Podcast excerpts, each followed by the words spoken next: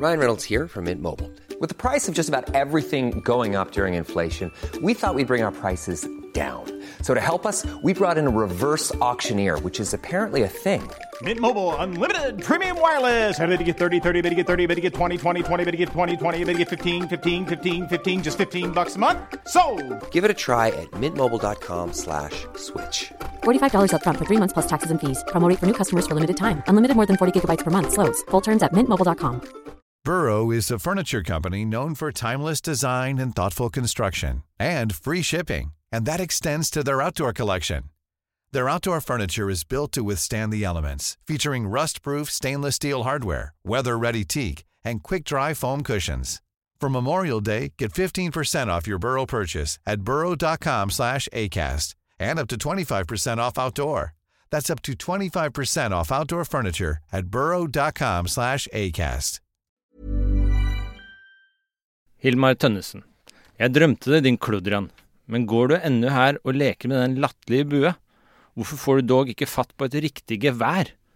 Olaf. Jo, det vil jeg gjerne, men for et sånt gevær, det er det da noe mening i.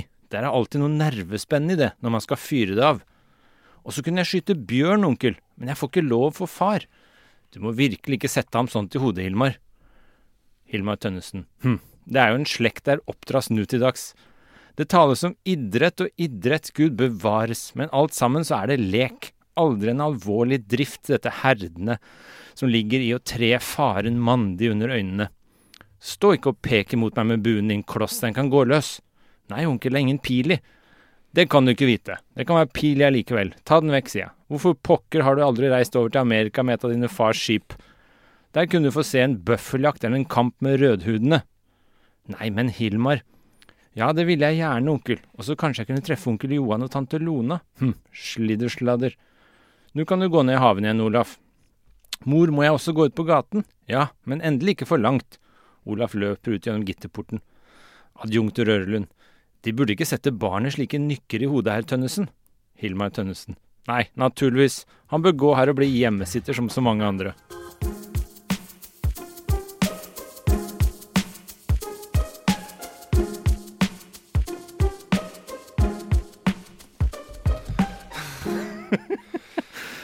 Velkommen til Ødveine leser Ibsen. Ja, da er vi i gang med de mer sosialrealistiske stykkene hans. Ja, det var veldig, veldig lang intro, må jeg si. Ja, det var litt lang. Jeg, tok litt av i dag. hva var det som fengslet deg med denne Nei, altså, det er jo som jeg skulle sagt det sjøl i dag. Unnskyld, det jeg skrur på nå, det er bare volum, ikke sant? Ja. Ja. Ja. Dere ikke forstyrre med Nei, apparatet nei, her det er volum på høyttaleren. Okay. Nei, jeg leser det fordi det kunne vært sagt akkurat som i dag. Er, jeg føler det er akkurat som jeg kunne skrive det i dagens avis. Hvordan da? Det Nei, er- folk, det er sånn der, folk, altså, som alle lekeplassene rundt i landet. De har myk bakke. De har mykt underlag. Ja, I sånn, tilfelle ja. barna Mm. detter av huska. mm. Uh, ingen får det til å gå langt fra huset lenger. Det var gjort en undersøkelse i England hvor før, for 100 år siden så gikk man så og så mange kilometer uten at foreldre lurte på hvor det var, i snitt. Og så for 50 år siden så gikk man liksom bare noen hundre meter. Og i dag så går man liksom bare maks et kvartal unna huset sitt. Barn, da. Ja, men det Så det er sånn overbeskyttende. eh, ja, men det, Er ikke det helt naturlig? da? Det er jo deflasjon, det. det er færre barn, eh, større verdi. Ja, men som vi har sagt mange ganger, i gode tider, i trygge tider, da blir det svake menn, vet du. det. Det blir jo det. Så det var derfor jeg leste. Jeg syntes det var veldig fint. Ja. Altså, Og nesten litt, vet du hva? Den, jeg synes akkurat den delen virker nesten litt malplassert i dette stykket. Uh, jeg har lyst til å fordi, altså Det har ikke noe med den øvre, det øvrige plottet å gjøre. nei, det er, bare sånn, det er noe sånn innstikk om liksom sånn samfunnsdiagnoser. Ja. Men jeg husker bare sånn Jeg er jo eldre enn deg, men jeg husker som barn Jeg hadde jo et våpenarsenal hjemme. Av ekte våpen. Kniver, øks. Mm. Jeg lagde ninjastjerner som jeg kasta som sto og dirra i vegga. Ikke sant? Vi hadde luftgeværer. Ja. Det var mye mer våpen. Ja, og det er interessant den ting jeg har oppdaget som er så vanlig for moderne mennesker, er at de Det går opp for dem plutselig en dag hvor lett tilgjengelig våpen er. Fordi man, man blir oppdratt med en forestilling om at vi har ikke noe våpen, Ja, ja. alt er forbudt. Og så, og så blir man klar over at Breiviks arsenal ute på Utøyen, det var lovlig våpen. Ja, ja, det er veldig lett å skaffe. Jeg har akkurat skaffet meg våpen. Uten sammenligning for øvrig. det at du kommer med det med sånn begeistring Nei, altså, jeg har jo akkurat eh, Jeg tok jo jegerprøven i sommer, det vet du. ja, ja. Ja, og så nå så fikk jeg jo eh, våpentillatelse, og så har jeg tenkt og søkt litt og sånn, og nå for et par uker siden så var jeg kjøpte to våpen. Hvilke, hvilke typer En rifle og en hagle. Hvilken eh, kaliber på rifle? 22 rifle, sånn der lekerifle, sånn der hvor du lader sånn som cowboyene. Sånne... Ja, altså 22 det er salongrifle. ja. Ja, de er jo kjempefine, da. Jeg Også har en salongrifle selv. Hvilket merke? Nei, det er den der, hva heter den, den der Weston, den der du lader sånn. Det er ikke sånn der kolbe du lader, det er sånn der med hånda som du tar ned. Å, herregud, det er skikkelig western. Det er sånn western med tre, da. Så jeg betalte litt mer for få treverk, Ja, ikke sånn plastikk. Ja, jeg har også det. Jeg har også Ja. en salongrifle. Og så kjøpte jeg en hagle, jakthagle, da, som du skal jakte med. Eh, og den eh, Det var en tyrkisk uh, Khan. Det var den mest solgte hag- hagla i Norge nå, faktisk. Jakthagle. Hmm. Så den var veldig fin. Den også betalte jeg litt ekstra for å få fint treverk. Ja, ja, må jo det. Det er som en fin gitar, ikke sant. Du må jo ha ordentlig greie. Du kan ikke gå rundt med sånn japansk kopi. Du må ha noe ekte. Ja, men det er ganske sært. Det er folk som har trerifler. De sitter og behandler det med valnøttovner. Ja, jeg har og- kjøpt og alt sånt. Og, ja. Jo, jo, men altså, det er ikke det. Det er ikke fordi at det er noe galt i det, men det er ganske sært hvor Altså, altså hvor, hvor pertentlige de er med riflene sine, Ja, ja. folk som driver med det. Også til sammenligning hvordan de behandler sine sko, Ja, vinduer på sitt hus, Mm. alt mulig sånn. Så lar de Ja, men det forstår jeg litt, for du velger ut noe. Sånn som gitarer. Jeg har jo en ganske stor, større samling gitarer enn våpen, for å si det sånn. Og de gitarene er jo også samme greia. Det er jo for meg kunstverk. Altså det er noe vakkert over treverket. Du behandler det, det. Jo, men jeg syns jo at den Det å vedlikeholde, det er Mm. noe av det vakreste mennesker kan gjøre. Ja, ja. Det ved, vedlikeholde sine eiendeler og sin kultur og Ja, alt sammen. Og jeg, jeg syns det, det burde overføres på, på det andre. Jeg syns folk skal begynne å behandle skoene sine bedre, vinduene sine Mm. bedre. Vinduer på et hus. Ja, jeg er helt enig. Mm. Er liksom passer Passe på at de er veldig fint laget, at beslaget er riktig malt. Ja. Men jeg tror det som er interessant her, er jeg helt enig men jeg tror det hvert enkelt individ velger seg ut noe det vedlikeholder. Du klarer ikke å vedlikeholde alt. Det er derfor på en måte et familieliv, ideelt sett, så skulle man fordele oppgaven av hva du er interessert i å vedlikeholde, sånn at du utfyller hverandre. Mm. Så at noen er opptatt av å vedlikeholde huset, andre er opptatt av å vedlikeholde biler og verktøy. Ikke sant? Og da Ja. får du en utfylling. Men hvis alle skal være opptatt av å vedlikeholde vinduene, så står det bare og krangler om hvordan du skal gjøre de vinduene. Det er det Ja. som er. Jo, det er sant. Eh. Men, men så er det vedlikeholdelsens Så jeg tar med våpen og gitarer, da. Det er det jeg sier. Ja, det er, du er en sann amerikaner. Nei, men eh, Jo, men så er det viktig at man vedlikeholder noe i det hele tatt, da. For Ja. det, det blir jo stadig uvanligere. Er Eh, og Klokker og sko og Ja, ja, alt mulig. Og jeg hørte nettopp uh, i natt Jeg var jo og ranglet i natt, skjønner du. Ja, ja. I sann Ibsenskån. Og da hørte jeg fra en venninne Hun snakket om sin far, og han var alltid på dette her med For han er jurist, vet du. Mm. At Nei, målt på alle mulige målestokker så er det Det er bare én ting man kan bli, og det er jurist. Ja. Fordi det er alt. Juristene de liksom eh, skjøter lov og orden og sånn, og det er alt. Det er et samfunn. Uff. Og det reagerte jeg veldig på. Fordi jeg syns håndverk blir så Ja, ja. oversett. Absolutt. Hva er det for hva Det er, er jo er, altfor mange jurister som henger seg opp i regelrytteri. Vi må ha færre jurister og mer skjønn. Mer håndverk og Ja, skjønn. Ja, det er nettopp det. Mm. Det er liksom, det er, nei, det var hans forestilling, at det var samfunnet. Mm. Men hva med de som bygger veiene? Hva med de som bygger husene? Ja. håndverkere er undervurdert, altså. Dette har vi snakka litt om før òg. Ja. Håndverk er eh, Vi lever, en, vi lever i en sånn tid som er helt sånn besatt av juss og politikere. ja, ja. rytter, regelrytteri. Det er litt sånn fremmedgjøring, ikke sant. For det blir mer og mer teoretisk, mer og mer abstrakt og mer og mer regelrytteri. og så blir det mer og mer styrt av datamaskiner som ikke har noe skjønn. For de er sånn Hvis du skal levere inn en oppgave og datamaskinen sier fristen er klokka tolv, så stenges den klokka tolv. Men hvis du Ja. snakker med meg, så er jeg åpen for å få den ett over tolv, ikke sant. Så det mangler litt skjønn på datamaskiner. Og systemet styres jo mer og mer digitalt, og da er skjønnsutøvelsen borte. Mm. Da får du et sånn forferdelig samfunn som bare alt er bare sånn firkanta og regelrytteri. Ja. Det er grusomt. Sånn som da jeg skulle ta fly til Island i fjor, og jeg hadde skaffet meg et hotell rett ved siden av flyplassen, så at jeg hadde god tid. For Ja. det gikk tidlig på morgenen. Og da har jeg så god tid, så jeg tenkte ja, da drar jeg, drar jeg inn der tre kvarter før avgang. Og mm. det var på en mandag eller tirsdag morgen, så det var veldig litt kø. Så kom jeg til maskinen, den nekter å gi meg billett. Og da var det Nei, nei, nei. Den, eh, den maskinen stenger 40 minutter før avgang. Ja. Så du kan ikke få billett. Og så Mm. sier jeg men dette her er jo Det er jo ikke noe kø. Nei, maskinen har talt. ja. Det er sånn det blir. De kunne ikke gjøre noe, så jeg måtte kjøpe ny billett. Og det er menneskelig hang også. Hvis du har en maskin som gjør mye for deg, så hviler du mer og mer på den etter hvert. Og så skylder du mer og mer på den, Ja. og så unngår du ansvar sjøl. Ja, nettopp. Og så slipper, slipper de konflikter. Ja. Det er jo en gammel strategi, da, å lene seg på reglene Mm. istedenfor å Og, Ja. Um, ja. balanse, balansere reglene og sin egen mening og sin egen dømmekraft. Men av og til kan det være bra også. Altså sånn som til syvende og sist, hvis en student bare gang på gang ikke leverer, så kan jeg til, syvende, til syvende og sist si Da har jeg utvist mye skjønn, mye forståelse, og til slutt så når det et punkt hvor du ikke gidder mer. Og da kan jeg bare si nei, nå gidder jeg ikke mer. Men jeg, da er det også lettere å si nei, nå kan jeg ikke ifølge universitetet gjøre det mer. Da hviler du litt på systemet. Ja. Men du ljuger litt, fordi du skylder på systemet for å bare kutte saken. Ja. Men det gjøres kanskje for fort, da. Jeg syns det er så mye, er så mye svakhet i vår tid på det, det punktet. Jeg tenker på, tenker på den saken med hun eh, ministeren. Hvem av dem, holdt jeg på å si. Det er, Ja, noe, hvem- gærent. Det er noe gærent med alle nå. alle har gjort noe gærent. Ja, ja, men det Det må jo bli sånn. Vi, Ja. vi lever jo i Romerrikets fall, ja. som du vet utmerket godt. Og det er akkurat sånn som dette det ser ut. Ja. Og det er ikke spektakulært sånn som i disse maleriene. Det er liksom saktegående Så vi er ca. i år 400 vi nå. Ja, vi er det. Ja. Men eh, jo, hun Kjerkol, Ja. helseministeren, Mm. og måten Støre behandler det på, hvor han skal uh, legge det bort og Nei, nei, nei, dette må gjennom et system og, Mm. og sånt. Mm. Og så greier han ikke uttale seg om det. Han greier ikke ta et standpunkt. Da hviler det på systemet. Ja. Unnskylder deg. Og det er helt uh, Syns du det er svakt? Ja, fy søren, det er svakt. fy søren, det er svakt. Ja. Altså, jeg vil at han skal si rett ut hva han synes om det. Ja. Altså, Fordi det, Han kunne godt sagt for min del Vet du hva, jeg er ikke en akademiker. Ja. Dette er akademikernes sak. Jeg har ikke noe imot å ha en minister som jukser med en master. ja, det har vært litt mer Det. Gi statsministeren det statsministeren er, og gi, gi universitetet det universitetet er. Ja, jeg er enig i at det hadde vært litt mer sånn rakrygga å gjøre det sånn. For det Bare det- si det nei, hun er en flink minister, jeg bryr meg ikke om hun juksa på Det er jo det han sier implisitt.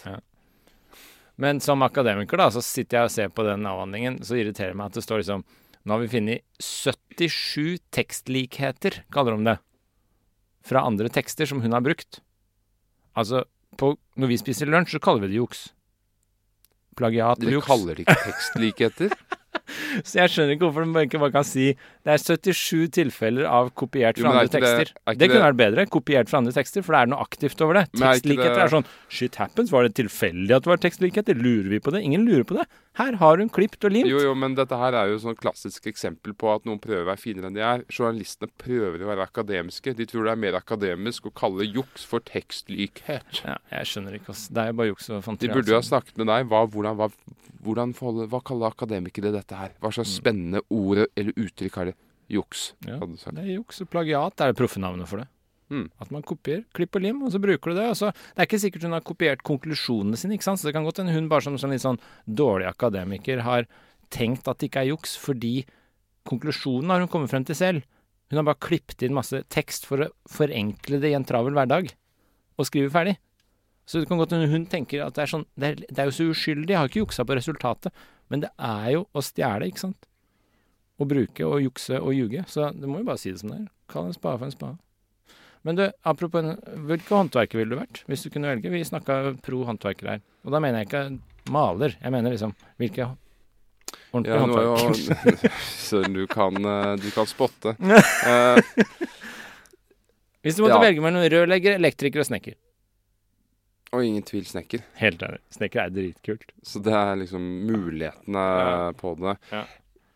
Tømrer heter det vel. Ja. Ja, en tømrer. Mm. Da, fordi det er, jo, det er jo et av de beste eksempler på, på, på å forene estetikk og, Ja. og det praktiske. Så. Bra snekkerarbeid, liksom. Det er veldig kult. Også, men det er visstnok de som tjener dårligst av de, tror jeg. Ja, det forundrer meg ikke. Så, Så og sik som, sikkert, som sikkert arbeider mest overtid også. Så det er liksom Ja. Men uh, nå har vi vært inne på stat og løgn og tømring, og det er jo en god inngang til dette stykket. Samfunnets støtter. Mm. Uh, jeg tenkte Jeg tenkte på hva, hva jeg tenkte på hva er det jeg kan si om dette stykket. Eh, og nå er jeg ikke på denne, denne one-lineren vi har snakket om, hva Mm. det handler om, men jeg tenkte på hva jeg synes om det. Og jeg har Men si først en one-liner, da. Sånn at lytterne er med på hva det OK, handler du er one-liner først. Samfunnets støtter. Hva handler det om? Det handler om Ja. Samfunnets støtter er uh, skuespillet om uh, hegemonen som blir konfrontert med gamle løgner som ga ham makten. Hegemonen, var det. Hegemon, det er en maktperson. Jeg bare er på vegne av mange lyttere. Det er sikkert, ja. det er sikkert en, eh, en bedre beskrivelse av det. Det, er, det ligger nok mer i ordet hegemon enn bare en maktperson, men det er, det er sånn sirkus. Da. Men det er en uh...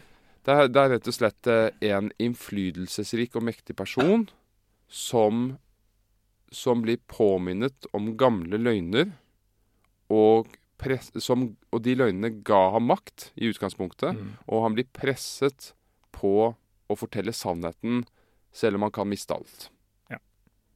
Mm. Er det greit oppsummert? Ja. Jeg ville sagt eh, det handler om eh, Hvis jeg skal si enda kortere, så ville jeg sagt det handler om konsul Bernik som lever på en løgn. Ja. Eller for å si det enda kortere, Ja. i, eh, i din ånd, Ja.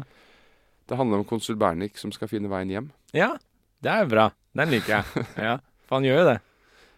Ja, han gjør det, og det er jo nesten det sørgeligste med dette stykket. Fordi det er, det er litt underholdende stykke, Mm. men den, mot slutten, Ja. hvor han plutselig blir et godt menneske, Ja. Og, det, og hele stykket blir omgjort til en komedie, så satt jeg og tenkte nei, Ibsen, nei, ikke gjør det. Jeg er faktisk helt enig. Altså, det, det begynte veldig bra. For jeg hadde jo ikke lest det før, for å være helt ærlig. Så det begynte veldig bra. Så tenkte jeg oi, det her blir kult. Nå er vi inne på skikkelig Ibsen, liksom. Ja, Med livsløgner, og nå er det ordentlig. Dette er Ibsen jeg kjenner.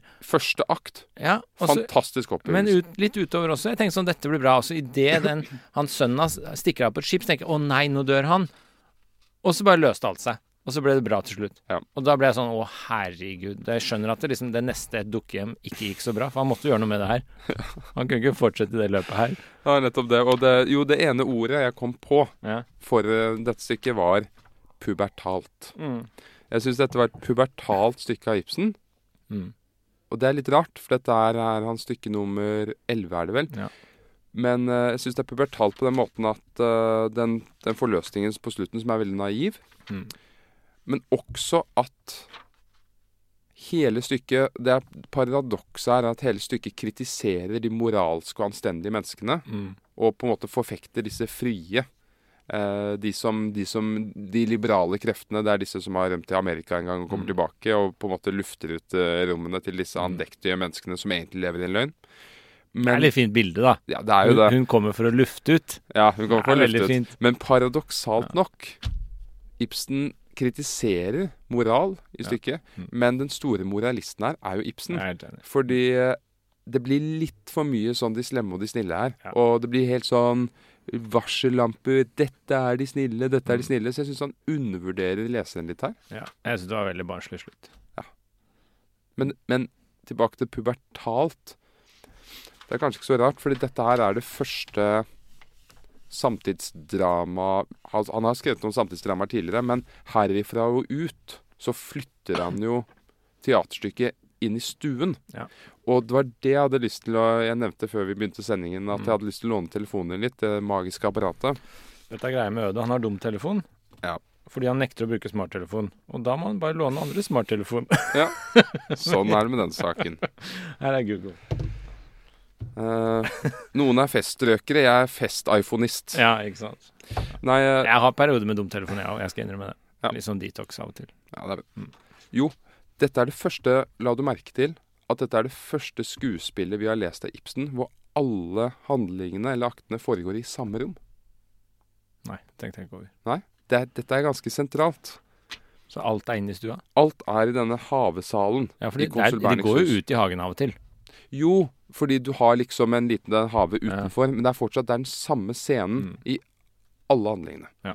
Og det er sentralt her, Mm. fordi det gjør Ibsen igjen og igjen efter dette punkt. Han gjør det i et dukkehjem. Han gjør det i gjengangere. Han gjør det nesten i Villanden. Det er én, Mm. ett sceneskifte. Men mye mindre av det. Vi la merke til tidligere i det forrige stykket, Keiser Gallerer, opptil flere sceneskifter i samme akt og Mm. sånn.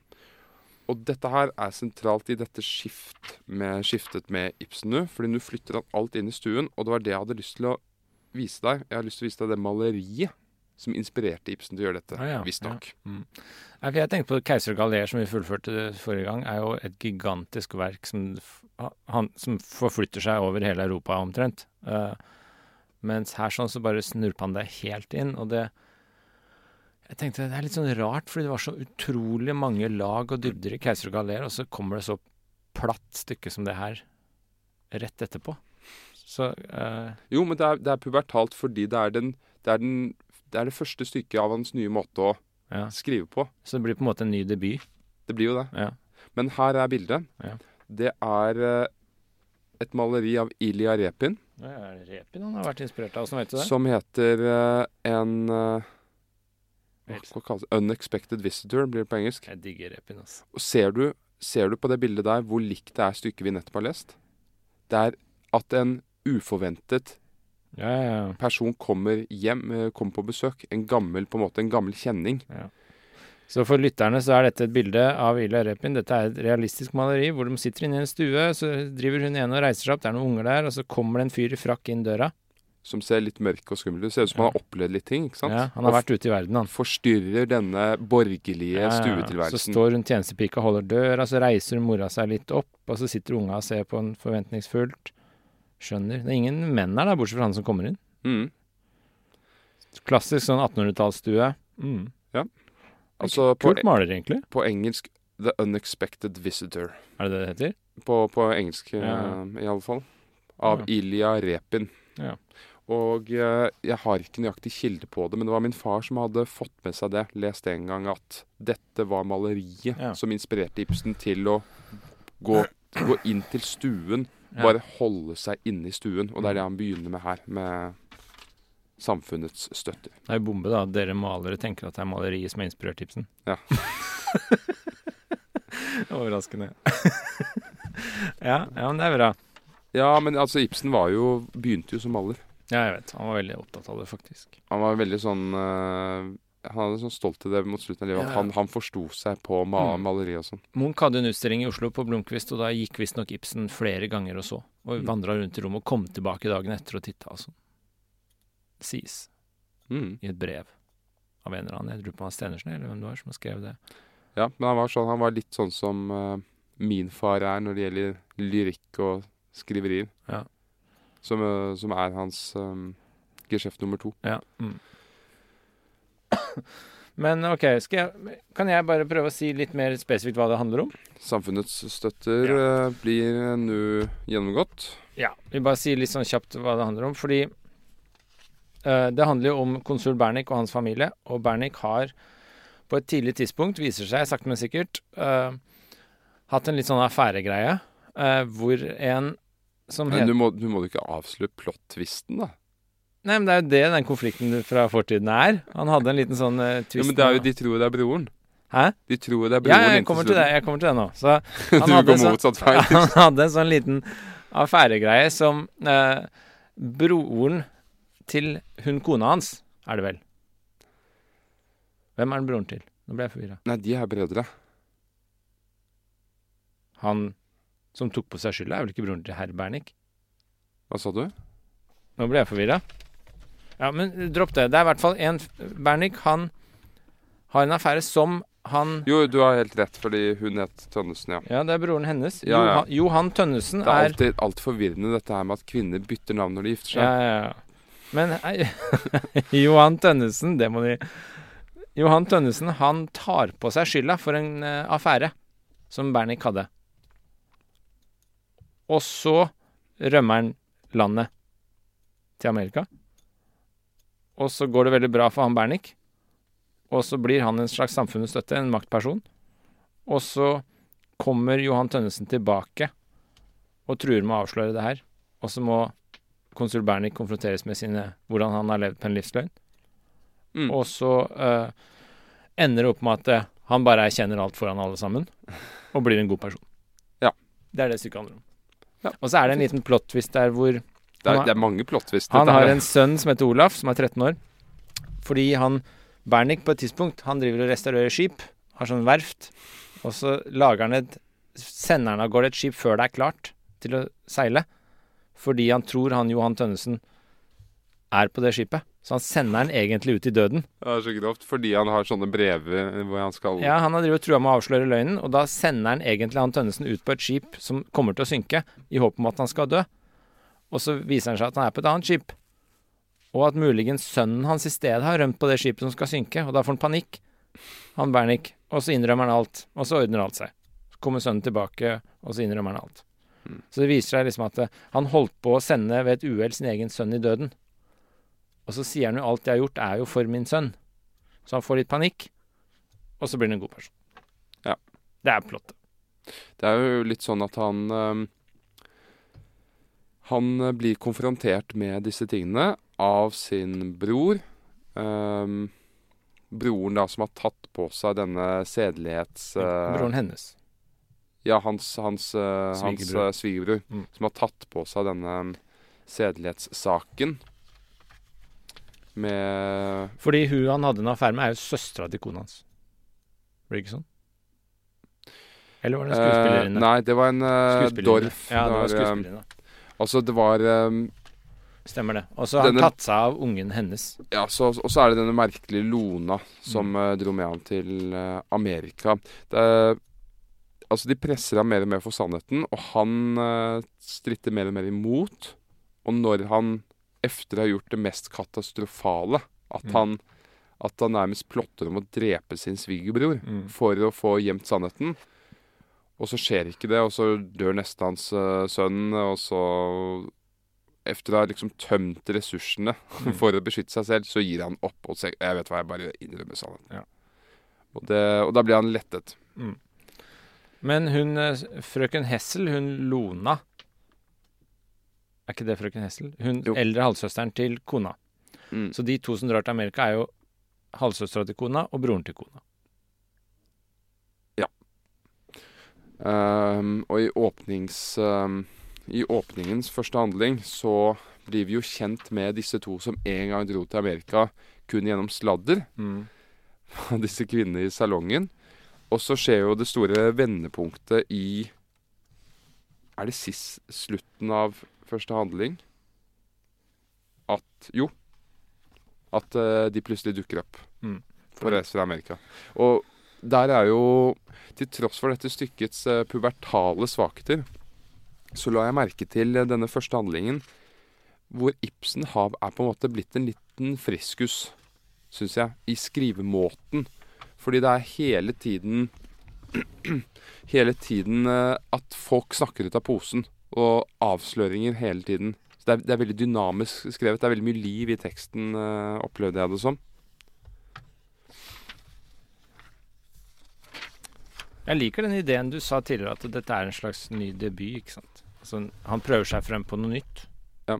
Og så, Det er derfor det kanskje er litt sånn umodent, og så kommer det mer moden etter hvert. Ja, men det er noen sånne høydepunkter veldig tidlig hvor Ibsen slår til med, med litt sånn dialog med veldig mye innhold. Jeg har et eksempel her. Det er fullmektig Krapp, som er en av disse som eh, arbeider med denne konsul Bjernik, som treffer denne ski, skipsbygger Aune. Og skipsbygger Aune er jo håndverkeren i stykket. Mm. Han er jo ansvarlig for skipene Ja. her nede. Mhm. Og de er litt misfornøyde med at han eh, driver og snakker med arbeiderne om bedre kår og sånt. Det er jo litt skummelt for eiere. Det har det jo alltid vært. Mm. Og så sier jeg Så sier denne fullmektige Krapp eh, De må ikke bruke deres fritid til å gjøre folkene ubrukelige i arbeidstiden. Sist lørdag har de talt om den skade arbeiderne skal ha av våre nye maskiner og av den nye arbeidsmåte på verftet. Hvorfor gjør de det? Så svarer skipsbygger Aune. Det gjør jeg for å støtte samfunnet. Så svarer fullmektig Krapp. Det var merkelig. Konsulen sier at det er samfunnsoppløsende. Det syns jeg er en veldig fin kort dialog, fordi i den korte utvekslingen der så beskrives to forskjellige måter å se, se på samfunnet. Mm. Den ene er veldig sånn Samfunnet er en, preser, det er en preserverende Mm. eh, sak. Eh, og ganske sånn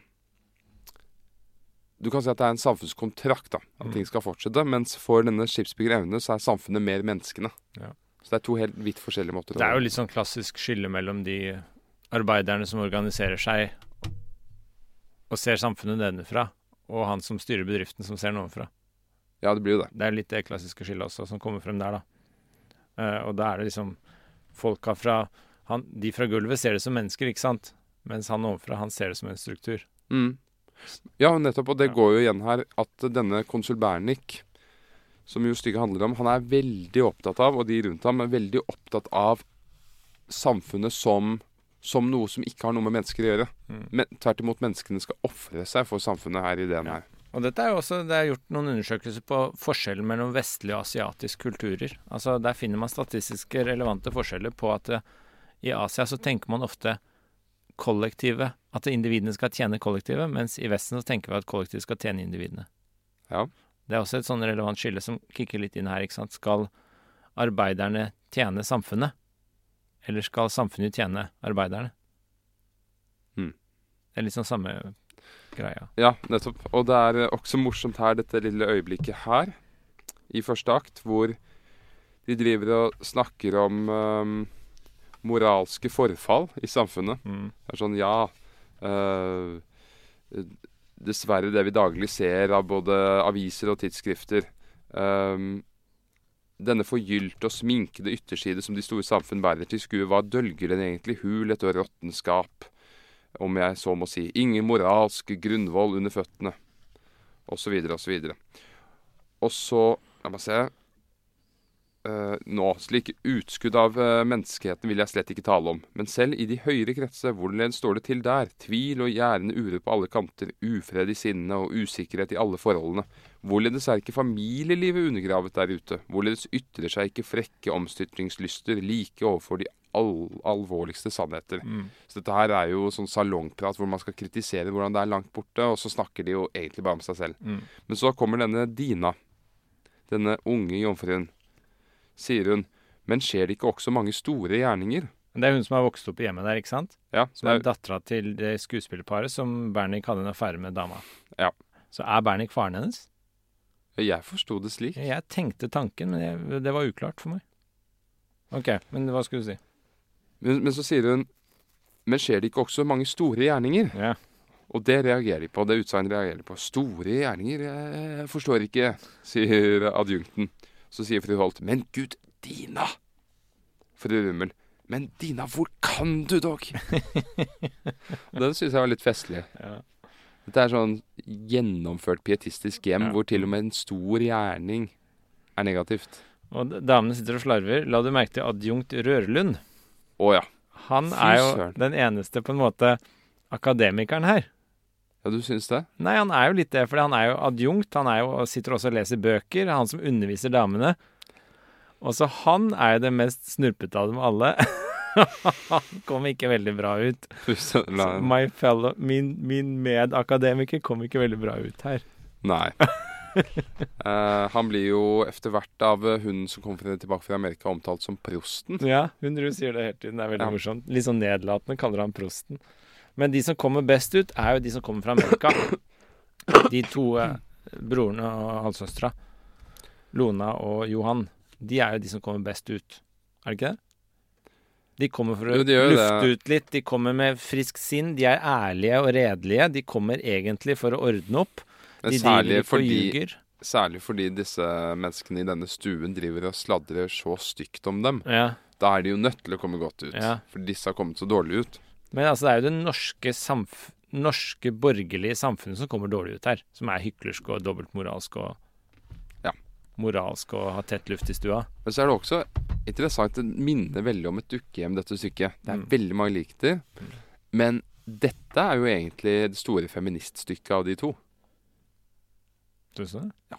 Dette stykket feirer jo uh, konklusjonen og det hele. Du, du så du siste setningen Det i er kvinner som er samfunnets støtte. Ja, det er konklusjonen i stykket. Ja. Og så er det, det er, det er så mange morsomme ting i første akt uh, om dette her. Med La meg se. Uh, på side 487 her, første handling, så sier denne Hilmar Tønnesen, som er denne broren til um, hun Ja. fru Bernix Bernik. Men bare før du sier det, vi må rette opp det vi sa. Det var litt feil det vi sa om eh, konklusjonen. Fordi siste setning er jo De sier i Trofast Sandru kvinner, det har jeg også i disse dager. Det er i kvinner som er samfunnets støtte, sier Bernik til slutt. Og så sier frøken Hessel Da har du lært en skrøpelig visdom, svoger. Nei, du, sannhetens og frihetens ånd. Det er samfunnets støtter. Jo, jo. Men det er liksom Det er jo sånn klassisk at hun vil ikke ta imot æren. Så, OK, hva skulle du si? jo, det er denne Hilmar Tønnesen som driver og snakker om um, løst og fast. Mm. Og så sier han plutselig Blar i adjuntenes bok. Kvinnen som samfunnets tjenerinne. Hva er det for noe sludder? Uh, og det er, det er mange sånne morsomme her når, eh, når denne Bernik endelig kommer inn i rommet, da. Eh, og Hvor er dette her Jo, se her. Eh, han har snakket om denne jernbanen. Side 491 Mm. hvor han har diskutert med sine kolleger om hvor de skal plassere jernbanen og sånn. Og så, og så sier fru Bernik, hans kone, men Karsten, du må endelig komme ut og fortelle oss hva de har snakket om og sånn. Og så svarer han, å kjære Betty, det er noe som damer ikke kan sette seg inn i. Ja. Han er veldig nedlatende i begynnelsen. Og så er efterpå, eh, så er det igjen, men kjære Karsten, at du har holdt dette skjult for oss.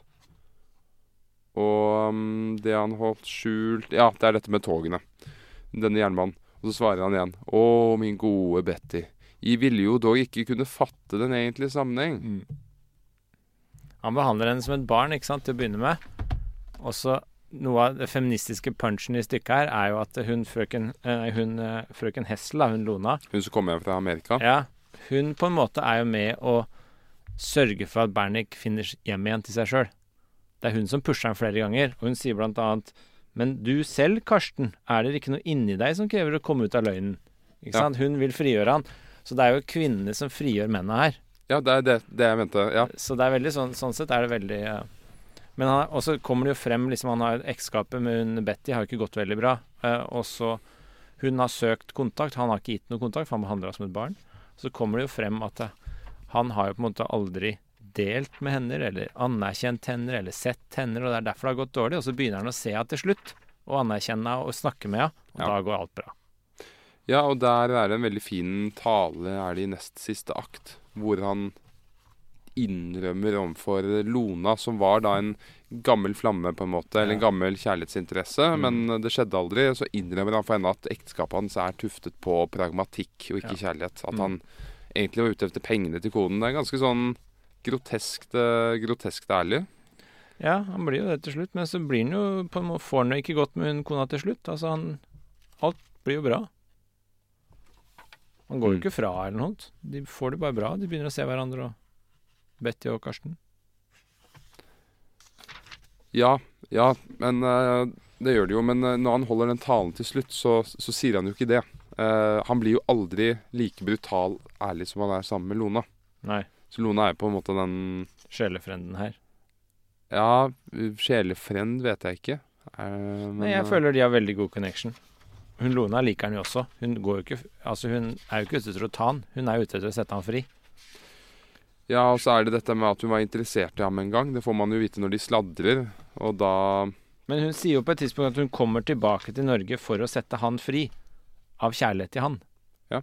Så hun, jeg tror hun har et godt forhold til han òg. Og han har godt øye til henne. Så jeg, jeg opplevde de som veldig sånn god connection. du, du, du ble litt betatt av hun eh, Lona, Jeg, kanskje? jeg digger Lona. Jeg syns Ja. hun var den mest fascinerende karakteren. Jeg kunne tenke meg å ta en kaffe med Lona, faktisk. Ja.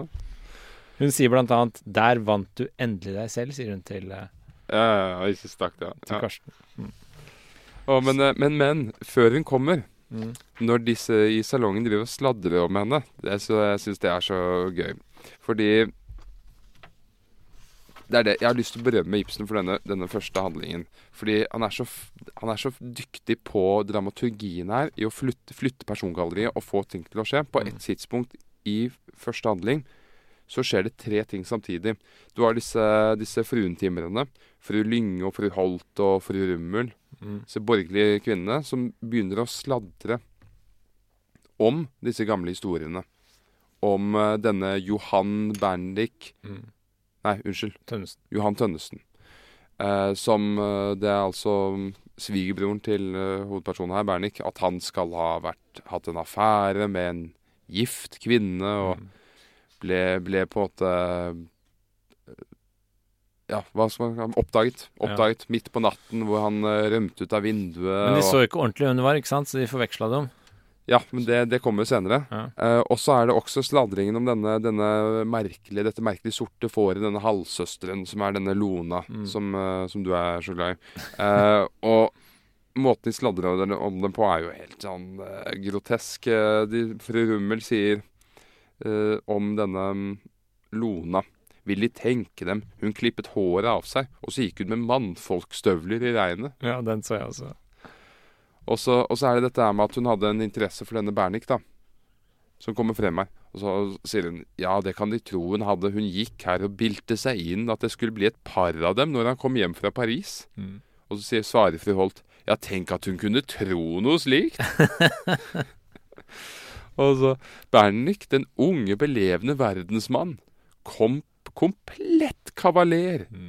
Alle damenes yndling, fru Rummel. Og så anstendig allikevel, fru Holt. Og så moralsk. Men dette er jo klassisk Ibsens i den forstand Ibsensk i den forstand at det, det er en tapt En kjærlighet som aldri fikk skje. Som aldri skjedde. På grunn av litt sånn konvensjonelle moralske eh, samfunnsstrukturer Mm.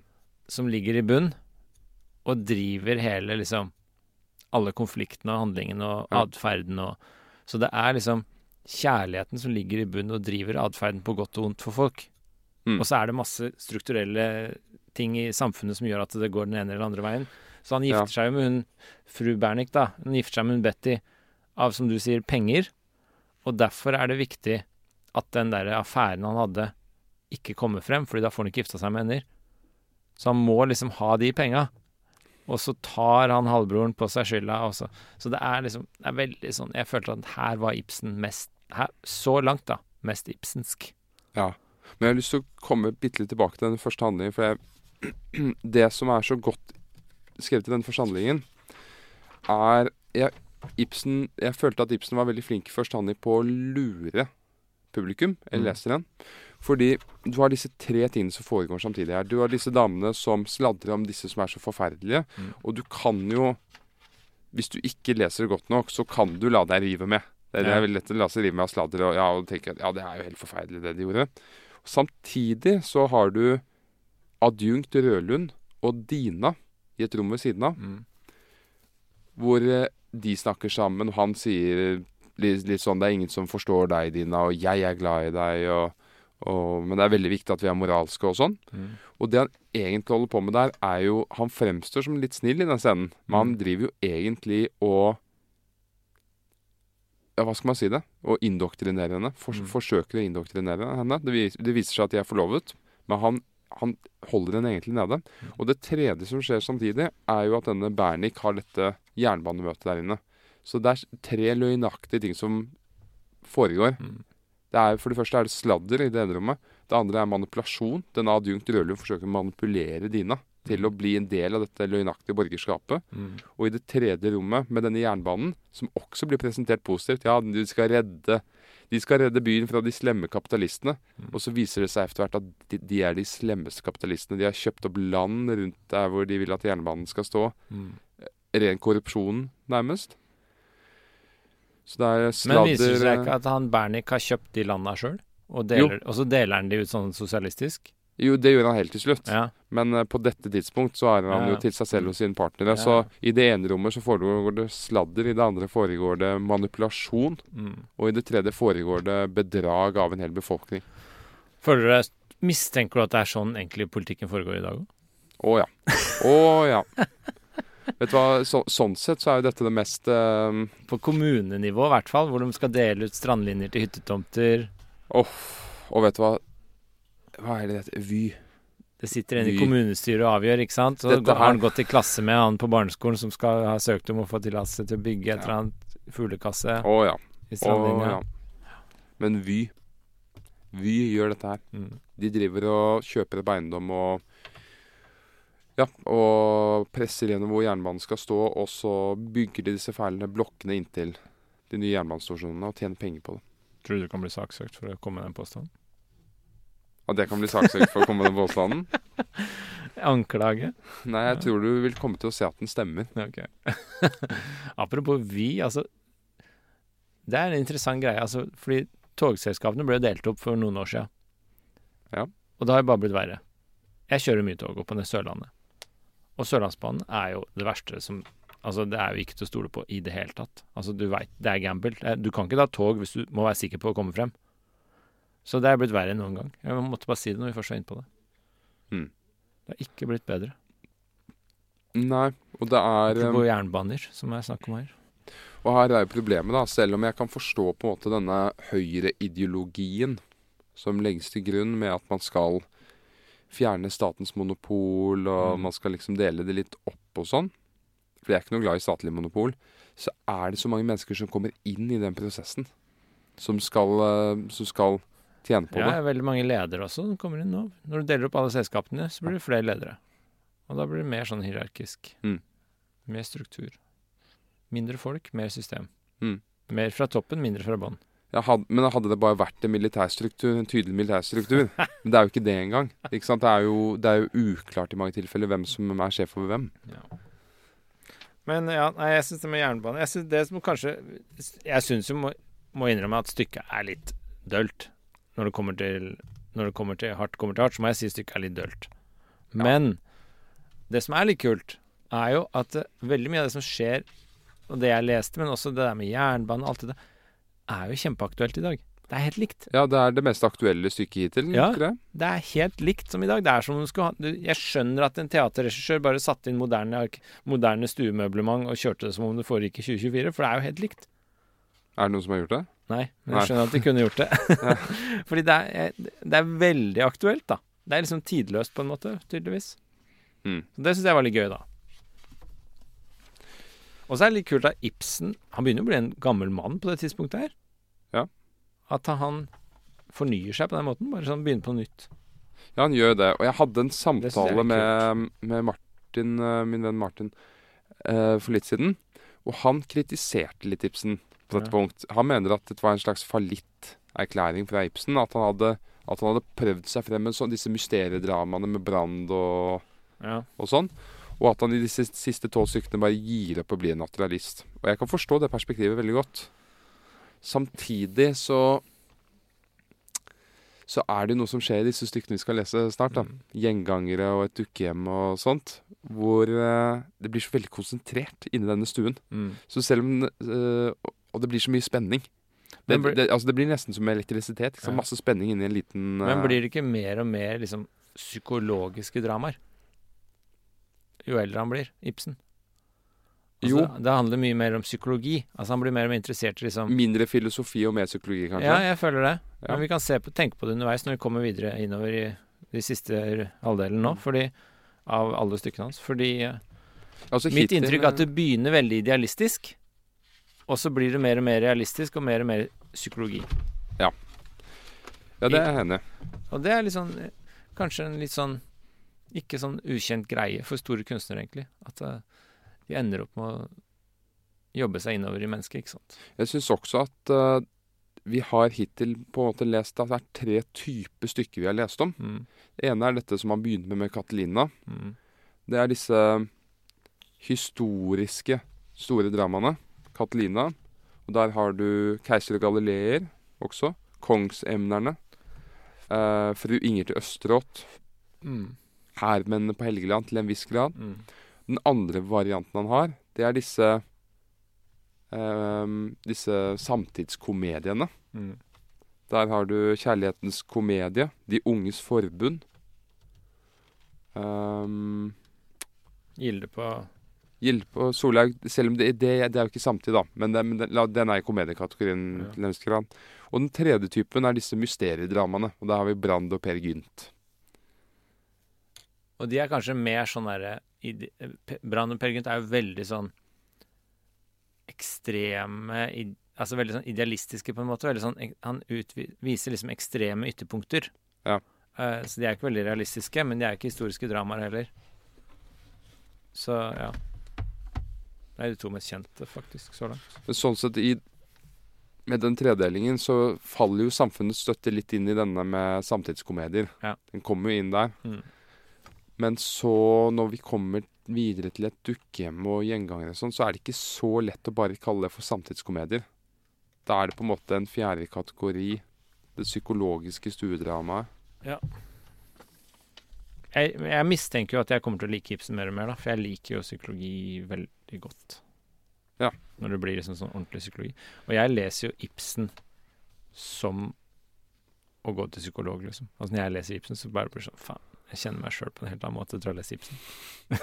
så, Ja. så jeg syns Ibsen er en stor psykolog. Og det er derfor jeg er litt uenig, som jeg sa forrige gang, med Hamsun. Når han kritiserer Ibsen for å være en platt psykolog. Så er jeg litt uenig. Ja, og jeg, jeg er enig med deg der. Jeg, jeg tror Hamsun har falt litt i fellen der over å, over å tro at en stor psykologforfatter er en som lager veldig mange muligheter og gjør ting veldig komplisert. Ja. Det Eller veldig sånn realistisk med alle nyanser, fordi vi ikke skjønner ja. Altså, hvis du er en stor psykologiforfatter, så, så får jo leseren brukt det. Ja. Jeg opplever ikke når jeg leser Hamsun, selv om jeg liker Hamsun, jeg opplever ikke når jeg leser Pan eller Mysterier, at jeg kan bruke det i mitt eget liv. Nei, jeg er helt enig. Hvis du leser Sult, liksom. Det er jo artig, men, Altså, den har jeg brukt. Jeg har sultet i Oslo. ja, men for å Hvordan brukte du den? Det er litt sånn efteraping, da. Å ja, ok. Nei, jeg får ikke noe ut av den, egentlig. Jeg får mye mer ut av Markens Grøde, f.eks. Hvor Ip Hamsun nettopp blir mer sånn som Ibsen har kritisert det. Han blir mer sånn arketyper. Ikke sant? Karakteriserer roller, samfunnsendringer. Da Gamle Hamsun er jo som Ibsen. Så det er veldig morsomt at eh, han kritiserte Ibsen for å være veldig sånn Bare ha veldig sånn enkle typer, karakterer, som var dominert av én eller to følelser. Og så gjør jo Hamsun det samme sjøl etter hvert. Dette her er jo det samme som uh, Nietzsche som uh, Alle de Nietzsche kritiserer. Han kritiserte jo også Ibsen, den gamle tanten, eller noe sånt. Nei, det er jo egentlig et uh, fordekt kompliment.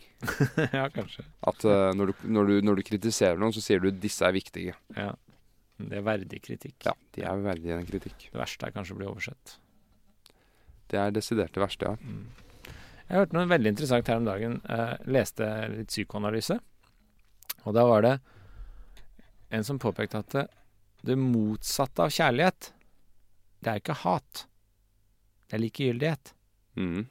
Så det er det motsatte. Så det å bli oversett, eller at ingen bryr seg, ingen ser, ingen hører, det er egentlig det motsatte av kjærlighet. Det synes jeg Mm. var litt interessant. Jeg har også hørt den før. Så hvis den, du får kritikk og kjeft, og du får masse oppmerksomhet som er negativ, så er det bedre Det er en form for kjærlighet. Ja, det er Ja. en form for kjærlighet, fordi det er engasjement og følelser retta i din retning.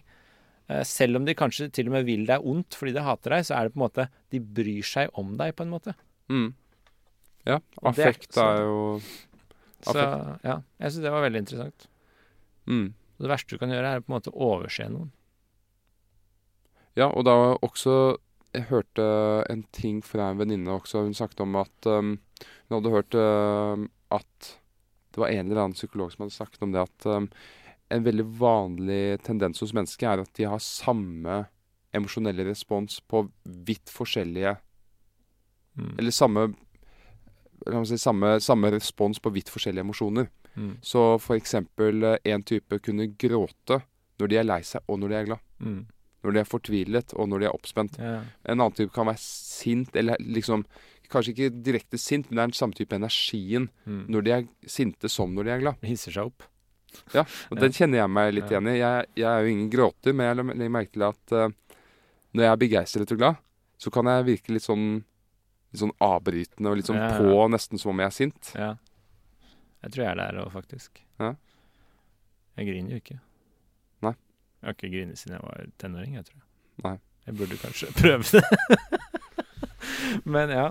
Nei, eh, det er interessant. Altså, jeg tenkte også på dette, fordi jeg, når jeg leste denne litt sånn psykoanalyse, da, så er det jo Det som var litt interessant i det stykket her også, er jo at Bernick, Bernik, herr og fru Bernik, konsul Bernik, hovedperson, og kona hans Det kom jo frem at de Han ikke anerkjenner henne, ikke sant. Han ser henne ikke. Eh, og det er liksom det mot Det er det verste du kan gjøre mot et annet menneske, og spesielt mot barn. Det er nettopp å ikke se dem. Jeg må bryte inn med, med, med et sitat fra Syke. Ja. Annen handling når han, når han går rundt og klager. Ja. Så bla, bla, bla. Det vil bli skrevet korrespondanter til avisene i natt, nattbobyene. Tar jeg vel imot dem, eller tar jeg slett imot dem, så vil det bli drøftet og utryddet Nei, uttydet. Det vil bli rørt opp i alt dette gamle, liksom du gjør, i et samfunn som vårt. Og ikke ett menneske har jeg her som jeg kan tale med og søke noen støtte hos. Og så Ingen- sier fru Bernik, hans kone, slett ingen, Karsten. Ja. Og så svarer han, nei, hvem skulle det være? Kona bare Hva med meg? ja. Nei, det er mangel på anerkjennelse. Og det syns jeg er veldig interessant. Altså, det er liksom mye av Jeg tror Er det sånn fase jeg går i med akkurat nå? Men jeg tror det er veldig viktig. Anerkjennelse, det å se den andre. For hva er anerkjennelse som mangler i det ekteskapet til Bernik? Jo, det er jo den derre Når du anerkjenner noen, så ser du dem for det de er, og så sier du 'jeg aksepterer det'. Du bør ikke være enig, men du sier 'jeg aksepterer det'. Og når du har anerkjent en person sånn, det gjelder også minoriteter i en stat. Eksempel når staten sier vi anerkjenner dere som minoritet, så sier de vi ser dere sånn dere er, og aksepterer det. Mm. Om vi er enige eller ikke, så aksepterer vi det. Og da får du fri Da får du friheten til å utvikle deg i fred og ro. Fordi du er anerkjent. Så hvis du ikke får den anerkjennelsen, så må du hele tiden kjempe for din identitet. Mot ytre krefter. Og det er veldig slitsomt og tar veldig mye tid og ressurser og energi. Men hvis du får anerkjennelse, så har du det frirommet til å få lov til å utvikle deg, fordi noen har erkjent, anerkjent at du er sånn du er, og det er greit. Men hva, hva består for... det i? Hva, hvordan blir denne anerkjennelsen uttrykket? Nei, det blir Det er en slags talehandling, sier man ofte i filosofien, da. Altså, det er en slags Sier man ofte, i hvert fall det jeg sa i en artikkel jeg skrev. Så sier man ofte at det, det I det liksom f.eks. statsministeren sier Vi i regjeringen beklager og anerkjenner Beklager gammel atferd og anerkjenner det nå som en minoritet. Den erklæringen gjør at du får det rommet. Det er bare en muntlig erklæring. Jo, men den har ganske mye å si. Det er litt sånn som når presten sier 'dere er herved ektefolk'. Ektefolk. Da er dere gift. Det er en sånn talehandling som på en måte erklærer noe. Det er som du sier Hvis du er sammen med en kjæreste, så sier du 'det er slutt'. Det er en talehandling. Dermed er det slutt. Mm. Så det er noe du gjør, faktisk, selv om du bare sier det. Ja, og, og det er men- viktig på anerkjennelse. Så hvis du f.eks. ser på meg og sier du, 'Einar, jeg ser hva du driver med', og anerkjenner det, selv om jeg ikke er helt enig, da får jeg en sånn ha, en, Kanskje ikke så voldsomt fra din side, men da får jeg en sånn da får jeg en anerkjennelse som gjør at jeg kan da Ok, nå har Øde erkjent det, nå kan jeg få lov til å utvikle meg litt i fred og ro sammen med Ja. Øde. I stedet for hele tiden måtte kjempe for Øde, se meg, se meg, se meg, se meg. se meg. Skjønner du? Det er sånn barn Det er det du har holdt på med. det var kanskje dårligst. Men det er sånn anerkjennelse barn trenger fra foreldrene sine spesielt. Ja. De trenger å bli sett, sånn at de kan få utvikle seg i fred. Så det verste du gjør, det verste jeg kan gjøre som far, det er jo å realisere meg gjennom barna mine. Fordi da anerkjenner du ikke barnet. Nei. Så det du må gjøre, er å Men la jeg har dem et problem. Jeg har et problem med talehandlingen. Det er det som skjer i ekteskapet til Bernik. Han anerkjenner ikke kona. Jo, og det er nettopp det. Jeg har et problem med talehandlingen. Ja. Fordi jo vel kan du bruke talehandlingen til å beskrive en begynnelse. Mm. Dere er nå ektefolk. Mm. Eller en slutt. Jeg slår opp. Ja. Men så er det det imellom, da. Mm. Hvor du skal bevise at det du sa, er gjeldende. Ja, ja, det må gjelde. Liksom sånn, eh, og da, da er det jo ikke snakk om talehandling lenger, eller hva man skal kalle det. Da må man Ja, du må praktisere det. Man- du må praktisere det. Så, Eh, og det jeg syns er fint uh, her, da, med Ber fru og herr Bernik, er at hun vil veldig gjerne at han skal spørre henne om råd. mm. Og, Hun vil bli sett. ja, og det er jo en veldig god måte å anerkjenne noen på. Ja. At de er nyttige.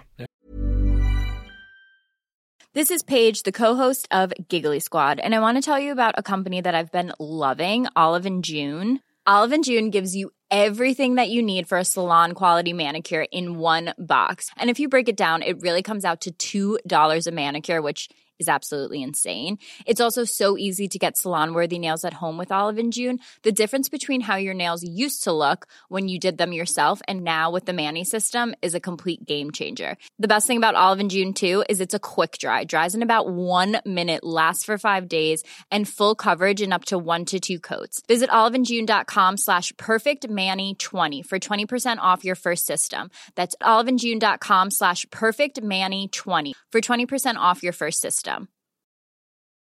Burrow is a furniture company known for timeless design and thoughtful construction and free shipping, and that extends to their outdoor collection. Their outdoor furniture is built to withstand the elements, featuring rust-proof stainless steel hardware, weather-ready teak, and quick-dry foam cushions. For Memorial Day, get 15% off your Burrow purchase at burrow.com slash ACAST and up to 25% off outdoor. That's up to 25% off outdoor furniture at burrow.com slash ACAST. Så hvis han hadde spurt henne om råd, rådført seg med henne, i stedet for det du leste opp, han sa hvem skulle det være jeg kunne snakke med, liksom. Hvis han hadde sagt, begynt å snakke med henne, så hadde hun følt seg sett og anerkjent som medmenneske, og følt seg viktigere, og så hadde forholdet blitt bedre. Det er ganske enkel psykologi, egentlig. Men det er ganske viktig, tror jeg. Mm. Og folk, sånn folk elsker det, vet du. Ja, Folk men jeg fikk sånn skrekk når jeg leste, og tenkte veldig Jeg har jo tenkt det her før, da, men jeg leste om det nå i helga, så fikk jeg veldig sånn skrekk, fordi hvis du har barn, da, så tenker du helt faen, jeg ødelegger ungene mine, så jeg ikke gjør det her nå. Altså, psykologien er veldig sånn du må gjøre sånn og sånn, ikke sånn og sånn. Så blir du veldig stressa om du gjør det riktig. Så alle fucker jo opp barna sine på en eller annen måte. Så vi må bare liksom prøve så godt man kan, da. Fordi anerkjenner man egentlig andre mennesker? Det er vanskelig å finne ut om man gjør Altså, det eller ikke. barn er jo et prosjekt. Pågående prosjekt. de er så For å si det rett frem, de er ikke bare kjøtt og blod, de er også et prosjekt. uh, så, og de er som et byggeprosjekt, ikke sant. Det blir alltid litt eh, dårligere enn eh, det er prosjektert. ja, men av og til kan det bli positivt overraska.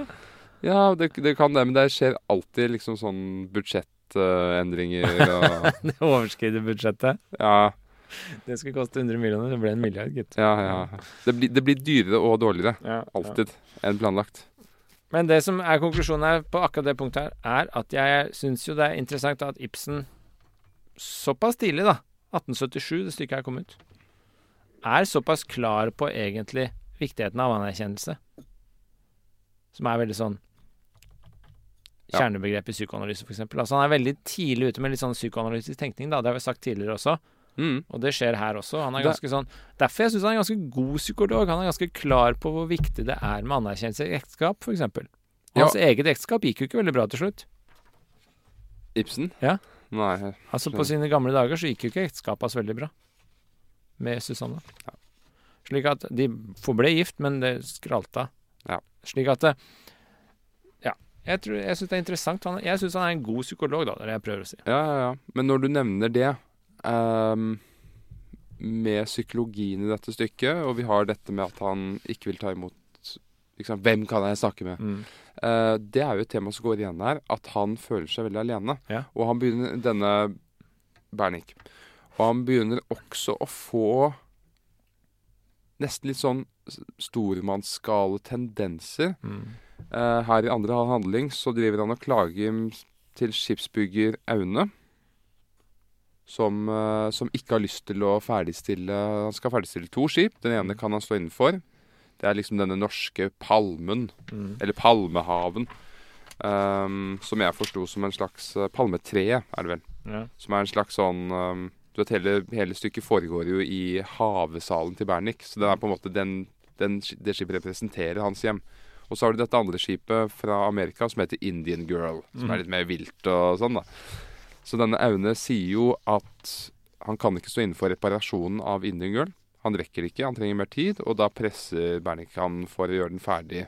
Til tross for at det ikke blir godt nok reparert. Han truer med innsparken. Han truer med å gi ham sparken, så han, eh, men så kommer han jo med dette utsagnet, da.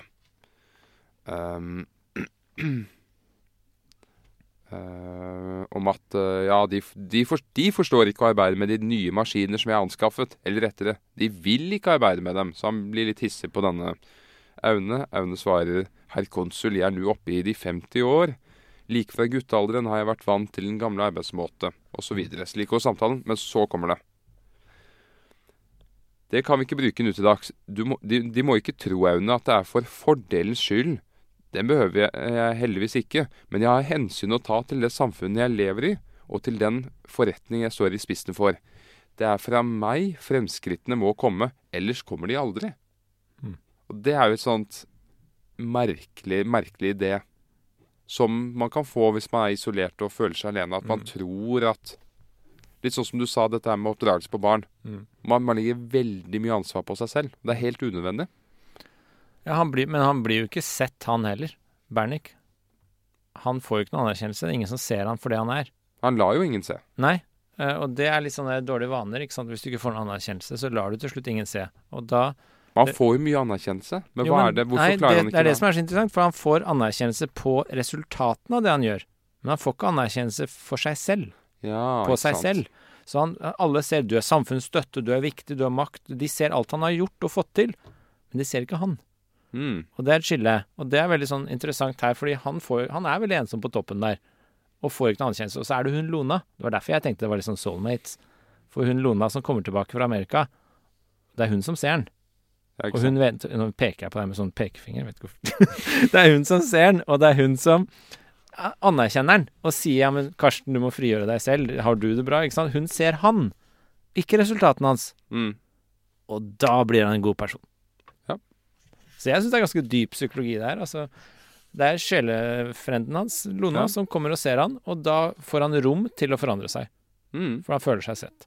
Og dette Men er det litt, er heller at stykket er rett og slett en sånn psykoterapi ja, det er litt sånn. Du liksom graver det Ja. frem fra ham, og Og det er en han er bare en person av blitt. Det er bare, det er bare hans uh, bilde ute i byen og alt han har oppnådd. mm. Og så er, er det merkelig Han har tapt seg selv, han har ikke funnet hjem. Ja, og denne siste fjerde akt, hvor de skal liksom feire ham ute i byen, og musikken slår på, Mm. og han rett og slett blir syk Ja. av å høre på det, for Ja. han vet hvor feil det er. Ja. Det er veldig interessant. Akkurat Jeg likte akkurat den tensionen idet de Ja. kommer for å feire. Han bare nei, nei, nei, nei, nei, nei, nei. akkurat den tensionen likte jeg godt. Og så likte jeg den derre tensionen hvor han oppdager sakte, men sikkert at sønnen hans er i ferd med å gå på det skipet han trodde han skulle sende ut med han Johan som skulle dø. Eh, for, og så får han panikk. Akkurat den er ganske sånn intens. Da fikk jeg sånn følelse av nei, nå dør sønnen. Og så gikk det bra, da. Men det er, det er, så det, er akkurat de der to der syns jeg var godt oppbygd. Det ble sånn spennende å lese. skjønner du? Ja, jeg er helt enig. Så det er, det er noen sånne triks her, så Og det er, Ja, det er, det kanskje bedre psykologi i dette stykket enn enn det er skrevet. Ja, det tror jeg. Det er jeg enig i. Det er god måte å si det på. For jeg tror også at det er jo um, Det er jo også en sånn påstand i litt sånn psykoanalysisk tenkning at eh, vår eksistens er egentlig relasjonell. Slik at eh, du og jeg som personer, da, vi er skapt og konstituert i relasjoner til andre ting og andre mennesker. Ja. Og hvis de relasjonene uteblir, så dør du også. Mm. Uh, og det er veldig sånn Så hvis du ikke får noen anerkjennelse, og ingen ser deg, og du begynner å lukke deg ute, og du blir ensom på den måten i form av at du kan ha masse bekjente og folk som snakker med deg og anerkjenner resultatene dine, men du har ikke den connection, Mm. da dør man litt inni seg. Og det tror jeg er liksom trikset her òg, ikke sant. Det er det som skjer med Bernik. Når han får den connection med Lona, så kobler han seg på igjen. Og da våkner han. Mm. Så har han egentlig vært død før det. Ja, den tanken liker jeg veldig godt. Og det er kjærligheten som er grunnrelasjonen her, ikke sant? Det å bli sett, det er en form for kjærlighet. Å få anerkjennelse. For da er det noen som ser deg, aksepterer deg. Og det er en form for kjærlighet. Men uh, ikke bare akseptere, men hun tukter dem også. Ja, men er ikke det en form for kjærlighet? jo, det er jo det, men det er jo det også en måte å se på. At uh, jeg ser hva du holder på med. Ja, hun tvinger den til å komme frem. og- Ja. Det er litt sånn som hvis du er i skapet, og så er det noen som tvinger deg til å komme ut for å frigjøre deg. Ja, ikke sant. Det er litt sånn. Fordi man skal vokte seg litt for sånne snillistiske tendenser. Mm. Med å se folk og bare være snill med dem. Ja. Og bare være tilgivende og Absolutt. 'stakkars deg, jeg ser deg' og sånn. Anerkjennelse impliserer jo ikke at du aksepterer alt det de står for. Ikke sant? Du kan, jeg kan anerkjenne deg uten Mm. å være enig med deg. Så jeg anerkjenner deg, gir deg rom til å utvikle deg, og så sier jeg ja, men Øde skjerp Ja. du må jo skjønne det her. Mm. Det er en del av anerkjennelsen er å Ja. respektere deg som noe som kan korrigeres også. Ja, eller også ikke anerkjenne handlingene mine nødvendigvis, men anerkjenne meg. Ja. Det behandles som Altså, dine handlinger er ikke verdig deg, Øde. Nei. De er Mm. eh, Det du har gjort nå, er under deg. Ja. Den ranglinga du drev med i går kveld, det var ikke verdig deg. jo da, det- akkurat det var enig med. ja. Men eh, ja, OK. Så det, ja, men det er Da har vi kommet frem til noe interessant i stykket, da. Jeg bare syns det var litt sånn dårlig løst til slutt, da. Dårlig skrevet, som du sa til slutt. Ja, og så er det også dette Eller det er ikke dårlig skrevet, det er dårlig komponert. Nei, men det er Ja, Løsningen på slutten er litt teit. Jo, men det er også litt dårlig skrevet fordi de snille i stykket er litt, litt for snille, på en måte. Det er litt, litt barneteater. Okay. Lona er litt sånn Du kommer inn, og så liksom hun blinker liksom til publikum. We're the good guys. eh, Sammen med han Johan og, og Bernik er så opplagt slem, og så Fikk du sympati med Bernik, eller fikk du som var opplagt slem? Jeg syns han aldri var opplagt slem. Jeg fikk alltid litt sånn Altså, sympati når med han. han- Jeg syns mer synd på han, da, enn jeg Jo, frykta han. men når han begynner å Når han begynner å konspirere Eller jeg vet kanskje ikke konspirere, han gjør det på egen hånd, men når han begynner å plotte med å få sin Få sin svigerbror drept Ja, men han gjør det litt motvillig òg, vet du. Du merker at han, har- han har ikke lyst. Der er- det Han føler seg pressa ut i det. Nå skal ikke jeg forsvare det er å gå over en terskel, altså. Mm. Å myrde noen for å beskytte sitt eget ry. Der mister du meg, altså. Nå skal ikke jeg si 'ja, men'. Jeg skal ikke si det nå. men jeg, jeg syns jo Bernicke Jeg hadde litt sympati med Bernik, jeg også. Det er ensom på toppen. Og så blir, liksom, liksom, eh, så blir det litt sånn ond sirkel, vet du. Du bygger opp, og flere og flere hviler på deg og trenger deg, og så blir du på en måte samfunnets støtte, og så blir det sånn ond sirkel at du kan ikke trekke deg nå, for det er så mange som er avhengig av det, og så bygger det seg opp en case som blir bare verre og verre for deg. Ja, det er det. Helt til slutt så bare rakner alt. Det er det, Og så er det dette, dette øyeblikket når hun Hessel skjønner at han har plottet å myrde sin svigerbror, på side 520. Han har jo ikke mye ham. Nei, men at han har Ja. liksom tenkt å gjøre det. Ja. Han har jo ikke begynt ham direkte, da, men han har plassert ham i en situasjon hvor det er ganske sannsynlig at han Mm. dør sammen med mange andre sivile. ja. Men så sier, eh, så sier eh, frøken Hessel at han har reist med Dina. Dina ble med ham til Amerika for å bli hans hustru. Således slår de to eders dydsirede samfunn i ansiktet, liksom jeg en gang. Nå. Konsul. Reist hun også, med Indian Girl. Mm. Det er altså det amerikanske skipet som var litt råttent i skroget. Frøken Hessel. Nei, så dyr en frakt torde han ikke betro den ryggesløse bande. Johan og Dina er reist med palmetreet. Mm. Og så svarer konsul Bernik. Ah, og altså forgjeves. Og så står det 'går hurtig hen, river opp døren til sitt værelse og roper inn'. Krapp, stans Indian girl, den må ikke seile i aften. For skjønner sønnen hans er der. Nei, dette er før han skjønner at sønnen er det. Ah, ja. Så det som er skjedd her, er at han skjønner at han får ikke drept Johan allikevel. Ja. Og da kan han like godt redde Ah, de sivile. Ah, ja. Mm. Skjønner. Ja, så han har liksom gode tendenser. Hallo, den er liksom Men jeg tenkte på nå, la du merke til at det er jo litt symbolikk i dette her, da. Med Indian Girl, som er det amerikanske litt sånn skjøre skipet, mens palmetre er det norske solide. Ikke sant? Det er jo Jo, litt jo- Ibsen-moralisme i det her òg. Jo, men det er jo bare, det er jo bare fordi han, han bruker tid på palmetreet. Mens Ja, men er- er sånn Han, bry, han syns disse, disse Men jeg tenker at det er et tidlig sånn tegn på symbolikken, symbolisme som han, Ibsen kommer til å begynne med mer. Han har liksom en and på loftet og sånn. Altså det kommer til å Altså jeg tror det ligger Det er ikke tilfeldig at det er Indian Girl som er skrøpelig, og palmetre er solid. Jo, men det Også Og så for flere steder i stykket så sies det jo også liksom Tulles litt med dette litt sånn grunnløse Amerika, mens det norske samfunnet det er, han er, det er litt uklart om han er, ironisk, da. Men altså jo, jo, han, det, han flørter med denne ideen at liksom det solide, ærlige norske samfunnet versus det litt sånn kunstig, falske, artige samfunnet i USA. Og Ja. det gjenspeiler seg i skipa. Absolutt. De ligger liksom bakgrunnen der de snakker om Men Norge samtidig som Bernick er liksom denne samfunnets støtte i Norge, som er bare bygd på en løgn. Du, var, du vet hva, derfor jeg håpet egentlig at palmetreet skulle gå under. For jeg håpet liksom på at det skulle være et poeng at dette trygge, gode norske skipet Det skulle ikke Ja. klare seg. Men da hadde det jo blitt enda mer en parodi. Ja, jeg tenkte, tanken slo meg. For Det blir litt for mye parodi. Ja, da hadde det blitt for likt litt åpenbart. Ja. Det er jo litt den der komplikasjonen med at det faktisk er noe trygt og godt og solid med den norske kulturen som er spillet her. Jeg tror nok ikke det er det det betyr. Det er nok heller at de representerer konsul Bernik og hans eh, gjengs syn på det. Kanskje. Jeg, jeg tenker mer at det er Jeg tror ikke Ibsen liksom avviser det norske samfunnet 100 skjønner du. Han, han vil på en måte vise dets gode og dårlige sider. angående Amerika, så er det en morsom eh, sak her i andre handling. Eh, og det er eh, den store overraskelsen. Det er veldig mange overraskelser i stykket. Det er liksom Du har blitt presentert med én ting, og så blir det vridd og vendt om. Og så en ny ting, og så blir det kjempestor overraskelse. Og i dette tilfellet så er det dette med at de har snakket om Johan og eh, Tønnesen som dro til Amerika, noen som dro til Amerika, skandalen for mange år siden og alt sånt. Og så skjer det store vendepunktet i andre handling at konsul Bernik kommer bort til Johan og sier Johan, nå er vi alene. Må jeg nå få lov til å takke deg? Og så kommer det frem. Mitt hus og hjem, min familie, lykke, min hele borgerlige stilling i samfunnet. Alt skylder jeg deg. Og så videre. Ikke én blant ti tusen hadde gjort hva du en gang gjorde for meg. Bla, bla, bla. Eh, og så kommer de inn på dette med at eh, Johan tok skylden for denne skandalen med denne affæren den skulle spille. De liksom byttet identitet, latet som det var han. Og han er veldig fin. Han sier sånn Nei, ja ja, det var jo bare en måneds bysnakk som jeg måtte betale for det. Ja. Han vet jo ikke at det har vært bysnakk i 20 år. Nei. Men så kommer det morsomme, fordi i løpet av samtalen så blir Johan mer og mer klar over hvor syk tankegang konsul Bernik har fått. Ja. Sånn sykelig konservativisme.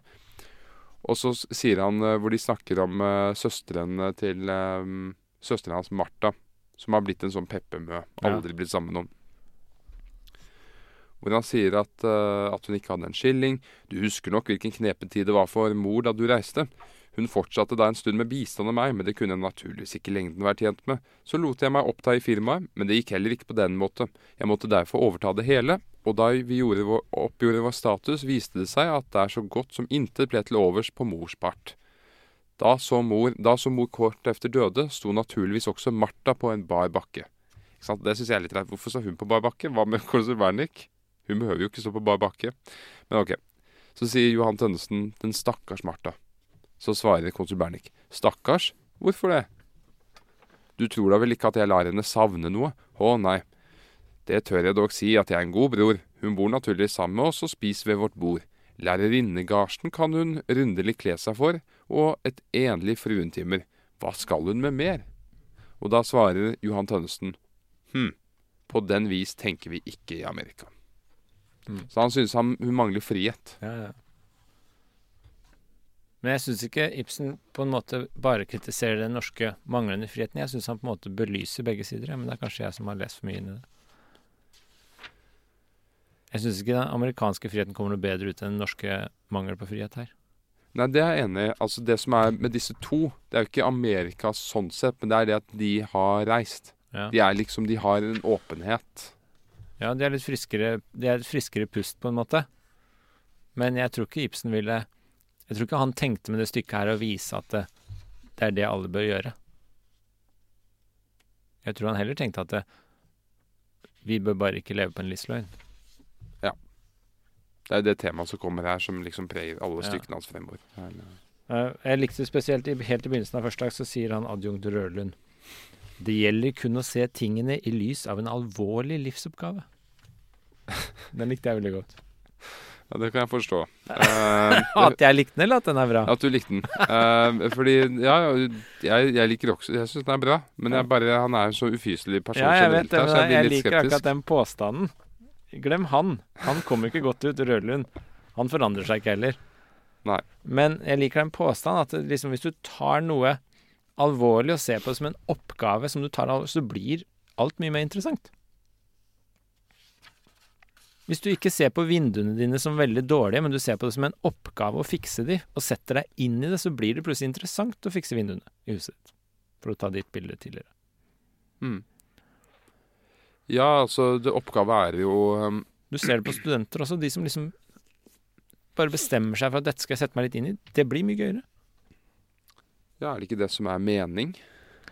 Jo. Alternativet blir en eh, Enten en ordre du mottar fra andre, en plikt, eller en uh, ualvorlig oppgave Ja, som ender opp med bare spøk. jeg liker den ideen, da. Ta ting alvorlig som en livsoppgave. Ok. Uh, er det noen andre sitater du likte? Jeg er litt sånn fan av sitater også. Ja, jeg uh, har et sitat her. Jeg Mm. tror det er tredje handling eller fjerde handling. Hvor eh, Jo, det er når eh, Jo, det er vel fjerde handling. Det er når denne konsult Tønnesen, som hadde den gamle avtalen med Bernik, Mm. liksom har snudd litt, for han har forelsket seg i Dina. Og ehm, Ja, hans dårlige rykte forhindrer kjærlighet mellom dem. Fordi ryktet, til, ryktet sier jo da at uh, han skal ha forført Dinas mor Ja. og stukket av, og så skal hun ha dødskortet etterpå. Så det er liksom nesten en sånn incestuøs anklage her. Vi opplever det som. Hvorfor Fordi det? Hvis han hadde affære med moren hennes, så kan det jo hende at hun er datteren Ja, hans. det er Så det er nesten litt sånn Ja, det eh, merkelig. Mm. Men uh, da, da liksom konfronterer han jo Bernik og sier at nå må du ut med sannheten, fordi nå- jeg, vil- jeg vil ha Dina. Og jeg vil starte et nytt liv og sånn. Mm. Og så holder jo selvfølgelig Bernik en sånn lang tale om nei, det er samfunnet vi må arbeide for, vi må være støtte for samfunnet, ikke egne ting og sånn. Uh, og er det ikke samfunnet selv som tvinger oss til å gå krokveier? Hva ville her skjedd hvis jeg ikke hadde handlet i stillhet? Alle ville ha kastet seg inn i foretakene, delt, spredt, forvaklet og forfusket det hele. Altså Han driver og forsvarer dette med at han har kjøpt opp landområder til egen Mm. vinning og sånn, Mm. med å si at det er for eh, samfunnets beste. Så det er en sånn type sånn falsk politikertale, egentlig. Ja. Men så svarer uh, Johan Tønnesen dette sitatet jeg liker. Men jeg kjenner ikke disse mange, og mitt li livs lykke står på spill. Så det er på en måte et argument mot dette altruistiske, samfunnsopptatte synet. Jeg kjenner ikke de mange. Så det er individet egentlig i fokus. Ja. Mm. Ja. Jeg hadde et sitat her for, Jeg datt litt ut der, for jeg satt og leita etter et sitat. Men jeg hadde et sitat her med som jeg syns var litt fint. Altså, jeg sa jo Lona var en sånn karakter som jeg likte veldig godt. Ja. Men Dina er også ganske kul. Å ja. Eh, og hun er også veldig sånn feministisk eh, forbilde her. Eh, hun, Dina er jo hun som har vokst opp da, hos Bernik, og er dattera til det skuespillerparet som har, han Bernik hadde en affære til. Så det kan jo hende dattera som har vokst opp hos han. Det er litt uklart.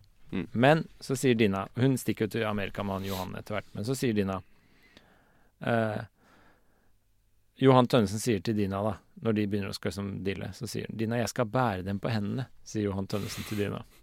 Da sier Dina, det får du ikke lov til, jeg vil bære meg selv frem. Ikke sant? Og så sier Dina litt lenger ned, «Eh, alle sier de her at jeg må hate og avsky dem, at det er min plikt, men jeg skjønner ikke dette med plikt, jeg kommer aldri til å skjønne det. Hun liker ikke plikt. Og så sier hun litt lenger ned, først vil jeg arbeide, bli noe selv, således som de er, jeg vil ikke være en ting som tas.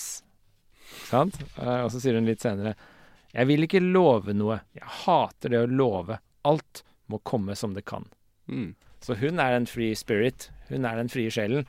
Hun, kanskje hun er the true Indian girl? Ja, jeg tror hun er liksom Hun er jo på en måte den amerikaneren. Så den, det amerikanske idealet.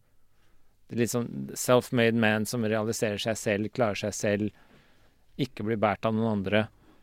Uh, så Og blir noe, ikke sant. Altså, hun er egentlig the American dreamen. Mm. Jeg likte hun Dina litt også. ja, det er godt observert. Jeg syns hun var ganske Jeg har en uh, sitat her. eh, det er samtalen mellom uh, Lona Hessel og Bernik. mm. De har jo stadig disse samtalene hvor han innrømmer mer og mer for henne.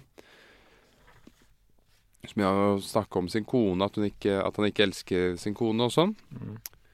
Og så sier han eh, Jo, hun sier Hessel. Og tenker du ikke på hva hun kunne blitt for deg? Hun som du valgte i mitt sted. Så svarer han. Jeg vet iallfall at hun intet er blitt for meg av det jeg trengte til. Ja. Så svarer hun. Fordi du aldri har delt din livsgjerning med henne. Fordi du aldri har stillet henne fri og sann i sitt forhold til deg. Fordi du lar henne gå her og segne under bebreidelsen for den skam du har veltet over på hennes nærmeste. Og det er jo kremeksempler på det der at han ikke anerkjente henne. Mm. Han har ikke sett det. Hun er ikke blitt det han ville, eller det han trengte. Det er ganske liksom, Hun er ikke blitt det jeg trengte. Ja. Uff a meg. For en uttalelse. Og så sier hun egentlig, hun Lona sier da egentlig bare at det er fordi du aldri har sett det. Hadde du sett det, så kunne dere connecta og blitt det dere ville. Ja, og det der er jo en sånn Det er en sånn gammel diskusjon, vet du. Skal, eh, er ekteskap eh, i, I hvor stor grad er ekteskap uh, ferdigstilt når man, når man treffer hverandre, og i hvor stor grad må det skapes? Jeg skal ikke inn i ekteskapsråd. Nei, nei, men herregud, det er jo Nei, altså Det er en Du har da øyne og ører, Einar. Jeg vil si det er en kontinuerlig prosess som må bearbeides hele tiden. Det er ikke et svar.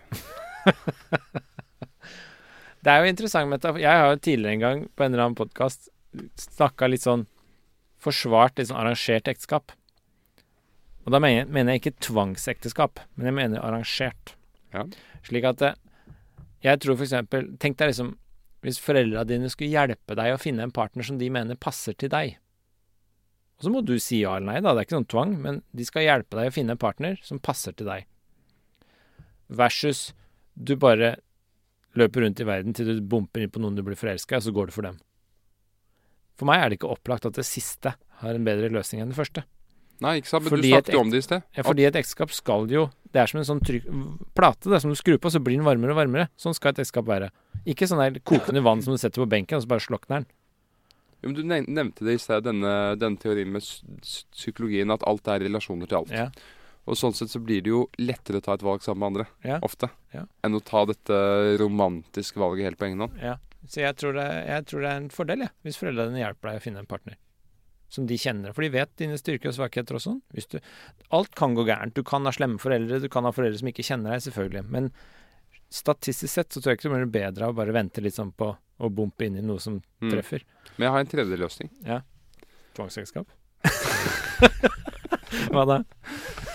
Uh, nei, det er litt sånn eh, en blandings, eh, blandingsøkonomi her. En, bla, en blanding av dette romantiske, at du finner noen og forelsker deg og alt det der, Ja. og arrangerer ekteskap. At du arrangerer det sammen med den du gifter deg med. Hva betyr det? Nei, altså det, Du blander ikke inn familie og sånn, Ja. eh, men du, det, du, bruk, du har heller ikke denne he, dette helromantiske diktatet Ja. sammen med den du skal gifte deg med. Men du har en veldig sånn fornuftig samtale Ja. med dem, og, og legger opp ekteskapet på en veldig sånn fornuftig og klar måte. At Mm. dette gjør vi sammen, og dette gjør vi Ja, sammen. Fordi veldig mange ekteskap starter jo med at folk ikke taler åpent med hverandre. At Mm. de er inne i en sånn romantisk sky med, med lokk på mange ting. Ja, Så du tenker at du finner noen som du på en måte har god connection med, og så avtaler dere sammen å gå inn i et ekteskap og gjøre det sånn Litt og sånn, sånn? ja. Ja. Det er ikke sikkert det er så dumt. Jeg har tro på det òg. Altså mennesker du kan eh, Du vet Man snakker ofte om folk man har romantisk kjemi med. Ja. Men hvem har du sånn veldig sånn fornuftssamtalekjemi Ja. med? Mm. Hvilket menneske kan du snakke veldig fornuftig og veldig sånn tørt med? ja. Det tror jeg kan være fornuftig. ha god kjemi, og hvem kan du samarbeide med, ikke minst. Det er viktig i et ekteskap. Ja. Har jeg Så, hørt. ja, det har du hørt. Godt du har fått med deg noe, da. Men ja, nei, jeg vil slå et slag for eh, arrangert ekteskap på en eller annen måte, i en eller annen grad. Ja. Enten sammen med familie, eller, Ja. sammen, eller bare alene de to. Iallfall at det har en arrangert um, struktur. Ja. At det ikke blir sånn romantisk føleri kun. Ja, altså det er kanskje litt sånn for idealistisk, for naivt å tro at den der stormende forelskelsen, som er én ting, og noe helt annet enn den litt sånn dypere kjærligheten som skal vare i årevis, det er to forskjellige ting. Ja, det er det. Så det kan godt hende du har et godt ekteskap uten den stormende forelskelsen, og det kan godt hende du kan arrangere deg inn i en sterkere og sterkere forelskelse. Det er mange eksempler på at folk sier liksom Jeg har lært meg å bli veldig glad i denne personen. Ikke sant? At du har vokst inn i hverandre. Jo, men det er den som er litt skummel, ikke sant? Hvorfor det? Fordi hvis man tar den eh, ideen til det ekstreme, så kan man bli sammen med en man ikke ikke liker. ikke respekterer. Ja, ja. Men altså, det, alt med måte. jeg vet ikke om det er alt med måte, men, eh, men, jeg, men jeg liker den tanken med veldig sånn ja, arrangert, og gjerne til og med på første stevnemøte, at man begynner å snakke om du, ok, hva er det du vil fremover. Da skremmer det mange i dag, hvis du på første stevnemøte sier Ja, men hvordan tenker du deg et ekteskap? ja, det, det, vet du hva, Hvor jeg, mange barn skal du ha? jeg, har vært, jeg har vært litt opptatt av det siste. Jeg møter så mye uenighet, fordi det er så mange rundt meg som er så opptatt av nei, det må være mystisk, og det må være romantisk. Nei, du, nei, du kan ikke si det der, for det må være en mystikk i luften og sånn. Og jeg syns ærlig talt det er pubertalt. Ja. Nei, altså det er lett å blande de to, den derre seksuelle driften med kjærlighetsfølelsen, da. At det skal være en mystikk, for Ja. da er det mer spennende, det er mer tiltrekkende, attraktivt. Altså den derre hva, ti, hva tiltrekkes du av seksuelt, versus hva er det du har lyst til å samarbeide og lage et prosjekt med? Ja, det er nettopp det. Og jeg, Det er to veldig forskjellige ting. hvorfor kan man ikke ha en Hvorfor må det være mystikk? Hvorfor kan man Ja, ikke ha en åpenhet rundt det? At uh, Mm. jeg, jeg er på utkikk etter en kone, men du er en jeg har bare lyst til å elske litt med å dra fra, Ja. At, man, at man, man spiller med helt åpne kort. Eller at man sier nei, nå vil jeg nå, jeg, vil, jeg vil få et barn innen et halvt år nå. Ja. Så er du klar for det. Halvt år, da må du prematur føde, da. er du klar for det? Du må føde tre måneder for tidlig. Ja. Vi tar eh, kirurgi tre Men- måneder før. Men eh, Alltid drømt om å du vet en at du preiker nå litt sånn Ibsensk? Det er jo det moral, Den du kalte pubertale moralen i stykket, er jo nettopp den derre at Berniken bare komme ut og være ærlig og åpen om alt. Ja, Det er helt sant. Det er det du sier nå. Ja. Kan ikke bare være ærlig og åpen om Ja, alt. må vi drive og skjule oss eller er late som? sånn? jeg er lei av manipulasjon. Ja, du Jeg vil bare ha alt Og, opp på og jeg, har vært, jeg har vært med på det selv. Ja. Jeg har vært med på manipulasjon uh, i så mange På så mange ting. Men, men, men særlig i kjærligheten. Ja. Så har jeg drevet og. Nei, jeg vil Kom igjen. Jo, jo, del nå. Del litt, da. Kom igjen. da. Del litt av deg sjøl nå. Så har du drevet og Altså, jeg ville ikke gått så langt til å si at jeg har drevet og spilt, men jeg har drevet med sånn Ja, altså spilt på det mystiske. Ja. Eh, på, på en manipulativ måte. Ja. Og, og det har alltid vært noe som har dødd inni meg. Du har vært i sånn mystisk øde. Ja. ja. Eh, og Ja, Dette- det er, dette- er ille, altså. ja, men jeg tror det her er bra, Øde. For jeg, jeg har- tror det her er veldig relaterbart for flere enn deg. Ja? Jo men altså- ærligere man er, jo flere kjenner seg. Ja, nei, det er ikke alltid sånn, men uh, Jo, OK. Vi, vi satser på det. Mm. Uh, men Jo, altså, jeg har spilt litt på det, og det verste er at det har fungert. Det er kanskje det verste. Ja, men har det fungert? Ja, det, har jo åpenbart har, ikke det. det har fungert. Uh, og For å få dem i seng, eller for å Ja, ja. Ja. Så det har fungert litt sånn som det fungerer å tisse på seg i kulda. Det blir varmt med en gang, men det blir fort kaldt igjen. ja Det har, sånn, ikke, det har ikke ordentlig fungert for å bli varm. Nei, men uh, Altså, i de tilfeller hvor jeg burde vært ærlig med meg, ærlig med Mm. meg selv at dette her er ikke en kompanjong som jeg kan være sammen med over lang tid. Ja. Jeg respekterer dem ikke tilstrekkelig. Ja. Men så har jeg brukt mystikken for å manipulere dem til i alle fall få- dyppe tåen min i vannet. Ja. For i alle fall få For, for i alle fall få prøvd det ut. Var det kaldt vann, eller var det lunka eller varmt? Det er lunkent. men, det, Ja. men, men, men jeg har gjerne lyst til å forsvare meg selv. ja, det må du få lov til. Kom igjen. Fordi jeg mener at dette har skjedd fordi vi lever i en syk kultur Mm. hvor vi har slørt dette inn i mystisisme. Ja. Vi, vi, vi hadde en tid hvor vi hadde veldig klare forskjeller. Vi hadde ekteskapet, og så hadde vi prostitusjon. Men vi lever jo en tid i dag hvor det er blandet. Ja, fortsett. Vi gjør jo det. Ja. Så og, og alle har forskjellige begreper om hva det er man går inn i. Så det er Mm. fullstendig kaos. Det er jo babbel. Du vil tilbake til sånne klassiske roller. Horen i Vika, kona på Uranienborg. Ikke nødvendigvis. Det er jo ikke Altså, for å komme tilbake til uh, Vise Maximus sine ord Mm. Det er jo ikke alltid man kan gå tilbake. Nei. Men man kan gå videre på en litt smartere måte. Ja. Og jeg tror at um, Altså sånn som det som har skjedd med kjærlighetsmarkedet, f.eks., det er jo at det er blitt enda mer Det er blitt enda færre retningslinjer, og dermed er mer av ansvaret lagt på individene. Mm. Og med dette ansvaret så må man Det er ikke nok at man Man har jo ikke en sånn offentlig sensurator lenger. Mm. Så man kan ikke være ærlig overfor en myndighet. Man må begynne å bli ærlig overfor seg selv. Man må begynne å opptre Mm. Eh, Altså, det er ingen som gjør forarbeidet for deg. Du må selv lære deg hvordan å opptre ærlig og redelig Mm. i en romantisk Du vet, transaksjon i et litt sånn interessant tilfelle på det var når Donald Trump ble sammen med hun derre Melanie. Mm. Er ikke det han heter? Melanie Trump? Jo. Når han ble sammen med henne i sin tid, så var jo hun fotomodell. Ikke sant? Mm. Veldig hot fotomodell. Og så, etter sånne vanlige standarder. Og Mm. så var det en journalist som spurte henne Hadde du gifta deg med Når de gifta seg. Hadde du gifta deg med Donald Trump hvis han ikke var rik? Spurte de henne. Mm. Og så repliserte hun kjapt. Tror du han hadde vært sammen med meg hvis jeg ikke var pen? Og det syns jeg var så fiffig. Det var liksom litt det du etterspør. Det var liksom bare sånn Det kom kjapt, men det var ærlig. Ja. Altså, de så forskjellige kvaliteter i hverandre. De, og de gikk for noen kvaliteter fremfor andre. ja, det er en form for um, ærlighet Mm. som, uh, som er veldig fin. Det er det du vil. Um, Du vil gå på en date, og så vil du si Jeg har lyst på barn nå innen ni måneder. Jeg gir deg tre måneder til, da. Ni måneder, slik at uh, Og så vil Eh, du bare og- si det med en gang, og så er det helt utelukka for deg, eller skal vi bare liksom gå bak i busken og bli ferdig med det? Ikke sant? Altså, du vil ha ærlighet. ok, ja, altså det, man, det, det jeg kan se for meg, da, er Fordi det er alternativet. at jeg vil se- borte. jeg vil først presentere hva, hva jeg vil. Hva jeg vil gjøre fremover. Og så vil jeg spille kanskje med helt åpne kort at jeg vil gjerne se om om vi to er Ja, ja. gode kandidater, Ja. og om vi har et lignende prosjekt, om det finnes en Ja, ja. Ja, og jeg er jo klar over at det er så mange mennesker som er bitt av den romantiske basillen, som vil si at nei, det er ikke mystisk nok og sånt. Mm. Men du vet at det også av og til kan ta et par dates før liksom man skjønner at man har et prosjekt man kan jobbe med sammen.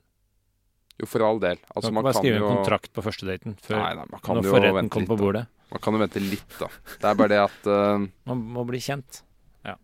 Jo, jo, men altså litt sånn Det er når man eh, Det er litt sånn som han uh, Bernik her. At uh, når han for første gang i sitt liv begynner å bli ærlig mot slutten av stykket, når han skal holde denne talen foran folk, og han har Ja. først fått en introduksjon av adjunkten, og Bernik er så flott og fin, og han ofrer seg for samfunnet, og så tar han over. 'Nei, jeg ofrer meg ikke, nå skal dere høre alt jeg har gjort'. Mm. Så når du begynner din reise med å være ærlig, så starter du ganske voldsomt, ikke sant. Mm. Ethvert forsøk på å gjøre noe nytt er jo veldig sånn ukontrollert og Så Men jeg liker denne ideen hvor befriende det er for han å være ærlig. Det er det jeg liker med ærlighet. Altså, det er så befriende. Eh, som hun Lona sier òg, ikke sant. Han frigjør seg selv når han er ærlig. Og det er det som er liksom slagordet her, som Ibsen og du forfekter nå, ikke sant. Ja. Altså, bare være ærlig, så er det ikke bare det at det, det kan være lettere å bygge et prosjekt med noen andre, men du føler deg også selv mye bedre når du bare er ærlig. For du følte du døde inni der når du drev og spilte spill. mm. Jeg er enig. Ærlighet varer lengst. Er vi der, liksom? Er det dit vi er kommet? Ja. Er, er podkasten blitt en klisjémaskin? ja. Men klisjeer er undervurdert. Jeg fant et sitat fra konsul Bernick her som eh, illustrerer det jeg mente også med at Ibsen Han spiller på denne tvetydigheten med at vi på en måte på den ene siden ser på Norge som litt sånn rotfesta og ærlig og, og litt sånn Litt sånn hva skal vi si? Litt sånn, ikke platt, men litt sånn bondsk, men ærlig. Litt sånn hel ved-samfunn. Hvor det ikke er spill for galler, ikke er så mye falskhet og sånn. Samtidig som det er jo det i Bernik, ikke sant. Altså I toppene og samfunnets støtter er det løgn og korrupsjon og alt. Men han spiller på den tvetydigheten, og spesielt da med at disse amer amerikafarerne kommer tilbake og lufter ut litt. Han vil jo ikke at alle skal bare åpne alle vinduer og lufte ut alt, tror jeg. Og han spiller litt på det helt i begynnelsen, når eh, er liksom konservativ, på sin mest konservative, så sier han jo uh, Å, hva Men Nei, han sier og hva? Med utlendinger må man ikke ta det så strengt. De folk har jo ikke denne rotfestede sømmelighetsfølelse der holder oss innenfor de rette skranker. Sier han. Eh, så Ja. han- liksom han, han illustrerer og viser at vi har liksom denne ideen om at vi er noe spesielt og holder oss innenfor rette skranker. Og vi er rotfesta. Og så kommer disse andre og lufter ut og viser at det stemmer ikke helt. Men min, sånn jeg leser stykket, så, er det så, så betyr ikke det at han vil forkaste det. Det betyr bare at han vil korrigere det. Kunne du lest det sitatet opp igjen en gang til? Og hva med utlendinger må man ikke ta det så strengt. De folk har jo ikke denne rotfestede sømmelighetsfølelse der holder oss innenfor de rette skranker. La dem kun skeie ut. Hva gjør det oss? Ikke sant? Han sier egentlig at Ja. vi er dette rotfesta. Det gjør ikke om de kommer og lufter ut litt. Ja. Det er Eh, også en annen ting her, og det er at han, han unner utlendinger den friheten. Han unner ikke seg selv det. Ja. Så Det er også et, et sånt eksempel på denne selvundertrykkelsen som Mm. dette stykket egentlig handler om. At eh, det virker som han driver og spiller veldig mye med andre. Han driver egentlig bare og pisker seg selv. Mm. Er ikke det som norsk protestantisme òg? Jo, jo. Vi driver og pisker oss selv hele tiden. Ja, eh, alle nordmenn har jo en pisk i ja. skapet sitt. Går rundt og liksom skylder Ta på oss skylda for alt hele tiden. Ja. Glemmer å se liksom hva var det vi gjorde bra. Eller som hun eh, Dina sier, har det ikke skjedd noen store ting òg? Ja. oh, nei, Store ting, det er jo gud. OK, hva mer? Vi har holdt på ganske bra nå. Hva, Ja, vi har det. er det noe mer du har lyst til å si, eller? Er det noe jeg har glemt? Ja. eh, jeg synes jo en ting som er fint med, med han Berniks eh, overgang i femte handling, Mm. det er jo at han Som er litt godt skrevet av Ibsen. Det er at det fremstår som meget, faktisk meget troverdig at han inntil det tidspunkt har trodd at han gjorde alt for samfunnet. Ja. Men at han plutselig snur og sier at innrømmer da Han skrev at eh, Jeg har inntil i dag ikke vært noe uegennyttig mann. Har jeg en ikke alltid efterstrebt pengefordel, så er jeg meg iallfall dog nå bevisst at et begjær og en higen efter makt, innflytelse anseelse har vært drivkraften i de fleste av mine handlinger.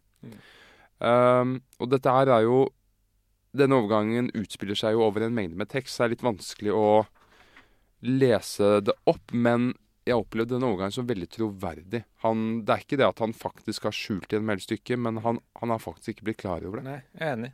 Jeg er enig, faktisk. Og det er også psykologisk veldig interessant. Ja, og jeg syns det var interessant å følge Bernick gjennom en forandring. Jeg. Selv om det endte med liksom platt og naiv selverkjennelse til slutt, så syns, Ja, det er det. så syns jeg det var interessant. For jeg, jeg er enig med deg. Det er en slags troverdig utvikling. eh, og jeg følte veldig med han på de to punktene hvor liksom han trodde han sønnen var død, og det vi sa i stad. Så jeg, jeg syns faktisk at det er en ganske sånn Jeg også følte at han innerst inne faktisk mente godt med det han drev med. Ja. Og så ble han leda ut i det nesten drapet. Fordi han klarte ikke å komme seg ut av det edderkoppnettet han var i. Og så endte det nesten med at han ble drapsmann.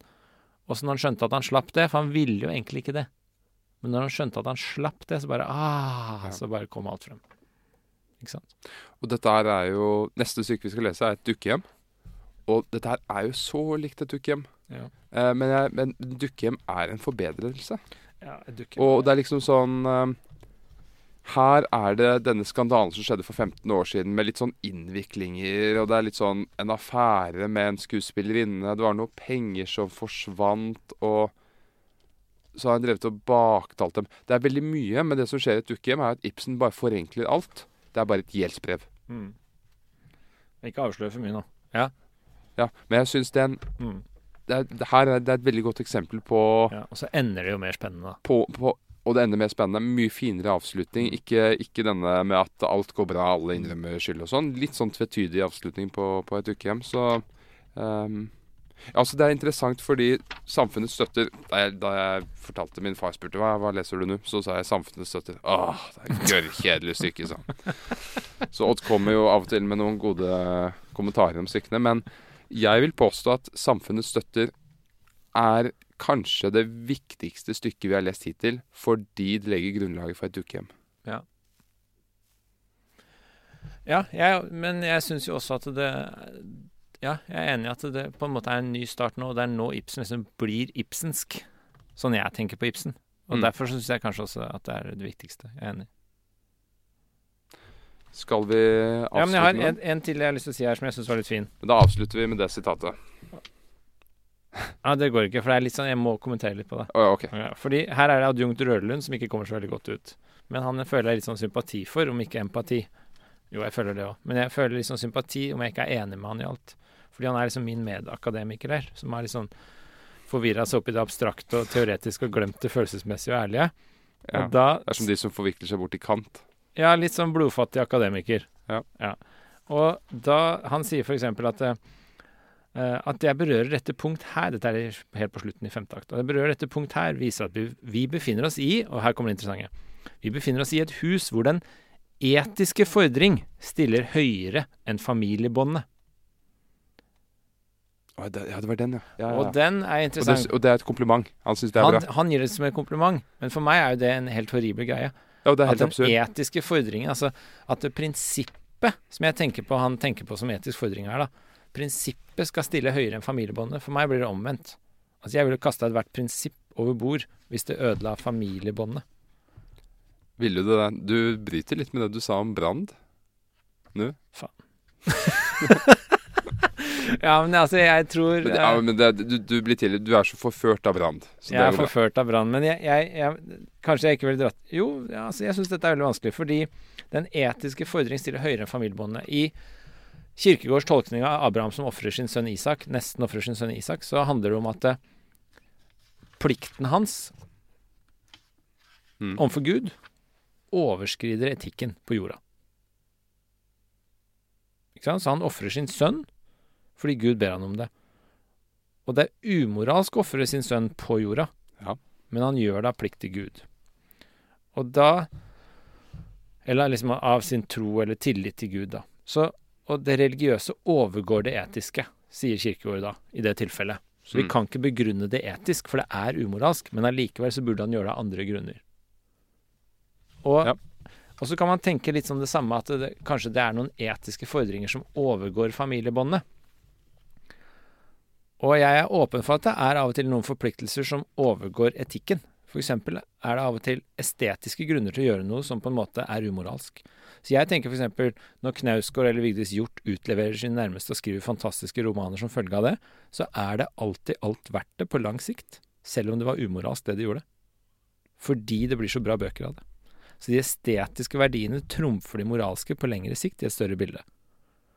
Ja, men det er jo litt fordi du ikke kjenner til disse menneskene som blir utlevert. Da. Nei, men altså jeg tenker helt sånn moralsk sett, altså de som blir utlevert, de er glemt om 150 år, men det er Jo, men det er ikke, bøkene bøk, det. det er Det ikke er, nettopp det. er fordi du, du kjenner dem ikke, og de blir glemt og sånn. Ja, men- men, hva, hvis det er en, hva hvis det er en person som ikke blir glemt? Ja, men det er her jeg tenker at hvis da eksempel her er, jeg, her er jeg åpen for at det, det etiske fordringene kan overgå familielivet. I den forstand at det, hvis Knausgård f.eks. utleverte sine barn Han gjorde ikke det så mye, egentlig, men hvis han utleverte sine barn i de bøkene, så ville det kanskje vært verdt det alt i alt. Selv om han da brøyt familiebåndet. Utleverte sin familie, Ja. så brøyt han familiebåndet. Bør ikke være barna heller. Det kan være onkelen som han faktisk utleverte. Så brøyt han familiebåndet, og så tenker jeg at det kanskje er verdt det alt i alt, av estetiske hensyn. Her trenger vi nok en del eh, skjønn, men det er definitivt en forskjell på å utlevere familier i en bok og drepe dem. Sånn som Ja, ja, Abraham skal ja, ja, gjøre. det er en gradsforskjell. En liten Men ja, altså, så det kommer et punkt hvor det ikke er verdt det lenger. Jeg er helt enig. Så hvis, som jeg har sagt i flere foredrag, hvis Knausgård liksom bestemte seg for å drepe noen i familien for å skrive et haiku-dikt, så tenker jeg det er ikke verdt det. Da går det for langt, ikke sant. Da trumfer moralen estetikken, helt klart. Men når han utleverer noen i familien for å skrive en bra bok, så tenker jeg at i noen tilfeller så kan estetikken trumfe moralen. Ja, Og og, det samme kanskje gjelder med familiebåndet, da. At du kan at du kan gjøre noe av etiske hensyn som trumfer familiebåndet. Men du kan til og med, det kan til og med at det hjelper familien. Litt utlevering kan Ja, bra. ja, ja, absolutt. Altså Det er jo det er jo noe som heter en bjørntjeneste. Det er jo ganske vanlig i familier. Vi Ja. snakket om det innledningsvis. Mm. Men jeg tror kanskje at sånn som i brann, da, så kan det Nå er jo brann veldig sånn karikert, da. Ekstrem. Men det kan av og til være noen prosjekter det er verdt å ofre familien for. Det tror jeg faktisk. Ja, men Men- ja, så er det også dette, dette Nytestamentspoenget i Matteus at uh, for å vinne noe må du ofre det. Det er så Ja. litt sånn daoistisk. Uh, Du vinner himmelriket når du ofrer uh, Så du finner, fram, du finner hjem igjen når du ofrer noe. Ja, det er nettopp det. Så, og også dette her med dine barn at Det er jo en sånn klassisk situasjon som mødre befinner seg i. Som, som du ser på fugleunger, vet du, når du slipper, slipper Mm. Mor slipper dem utfor. At du må, du må ofre barna dine for at de skal bli, Ja, ja, det er litt sånn du, gjenvinne forholdet. det er jo litt sånn du føler når du blir eldre og eldre, at du må la de gå. Og det er liksom, Du må ofre de, bare la de feile, fordi de må lære. Og det er klart. Men jeg tror, poenget mitt er bare at jeg tror det er av og til sånn at Det er tillit, altså. Ja, men noen verdier trumfer andre, og det er ikke alltid moralen som trumfer, da. Slik at av og til er det estetikken kan trumfe moralen, av og til kan moralen trumfe familiebånda dine, men veldig ofte så tror jeg moralske forpliktelser er mye sterkere internt enn familien utad. Jeg har mye sterkere forpliktelser overfor mine barn enn overfor naboen. Eh, og der tror jeg så naboen Mine moralske forpliktelser overfor naboen vil aldri trumfe familiebåndet. Men jeg tror det kan være noen prosjekter generelt som kan trumfe det. Det var litt komplisert på slutten her nå, men det er ganske interessant, da. Verdikonflikter, når noen verdier står i konflikt med andre. Hvem skal trumfe hva? Det er ikke alltid etikk vinner. Det er poenget mitt. Nei, altså noen ganger så må man jo bare tvinge gjennom sine egne saker og gå over lik, som det kalles. Ja. Så når adjunkt Rødlund sier 'dette huset', den etiske fordring stiller høyere enn familiebåndet, så mener han det som kompliment. Er ikke sikkert det er det, eh, fordi familiebåndet bør stille sterkere enn dette etiske fordringen Ja. de driver med her. Så jeg ville f.eks. beskytta min familie før jeg hadde beskytta staten. Ja. Men jeg ville altså, Så Sartre setter jo opp et sånt dilemma om å dra i krig. Han ofrer mora si for å dra i krig. Skal han dra og støtte landet, eller skal han Ja, jeg må støtte mora si. Mm. Eh, jeg ville antageligvis støtta familien fremfor å dra i krig. Ja. Ville du? Ja, altså jeg, jeg har aldri latt meg forføre av den tanken om å ofre livet mitt for staten jeg bor i. Nei. Um, Så der og tenker jeg særlig, særlig fordi Altså, jeg lever jo på et kontinent hvor de fleste, de fleste europeiske land er relativt like. Mm. Uh, så er, jeg har jo ikke en nabo som er veldig ulik. Nå, nå, nå grenser jo Norge til Russland, da, som er ulik på ganske mange måter. Mm. Men til og med Russland er ganske likt, altså. Hvis du, hvis du studerer det litt sånn hvis, hvis, hvis du ikke bare sitter fast i VG-boblen og følger med på krigen, men du har litt historisk forståelse, så ser du også at fra et historisk perspektiv så er Russland også ganske likt. Så, da, så, da, så jeg syns det er litt vanskelig at jeg skulle ofret meg for Norge. Ja. Men så er det også fordi den norske identiteten er jo blitt helt brutt, det. da. Så det, det er jo kanskje et eksempel på det. Men jeg har et sitat her fra konsul Bernik i første anlegg. Familien er jo dog samfunnets kjerne. Et godt hjem, hederlige og trofaste venner. En liten tettsluttet krets, hvor ingen forstyrrende elementer kaster sin skygge inn. Det var det vi burde, burde ha slutta med. Ja. Les det en gang til. Så slutter vi med det. Ja, men før jeg gjør det jeg Ja, du må kommentere det. den, den, har, ja, altså den, den, har, den er litt sånn mangetydig fordi Ja. Det er litt sånn, litt sånn klassisk sånn hybris eh, i at han sier det rett før skyggene blir kastet inn. Ja. Det er ett aspekt. Mm. Det andre er at det er veldig mye fornuft av det han sier, dette med den lille tettsluttede kretsen.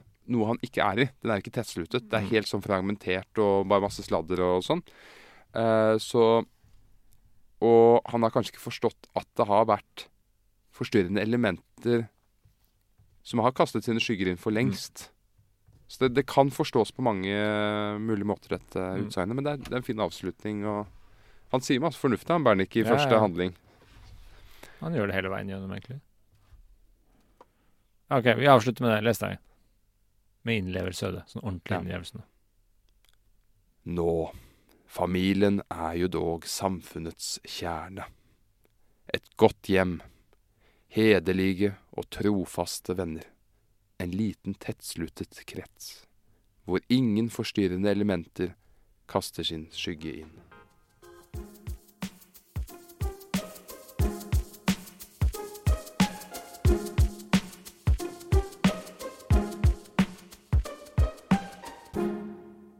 Produsert av Klinge.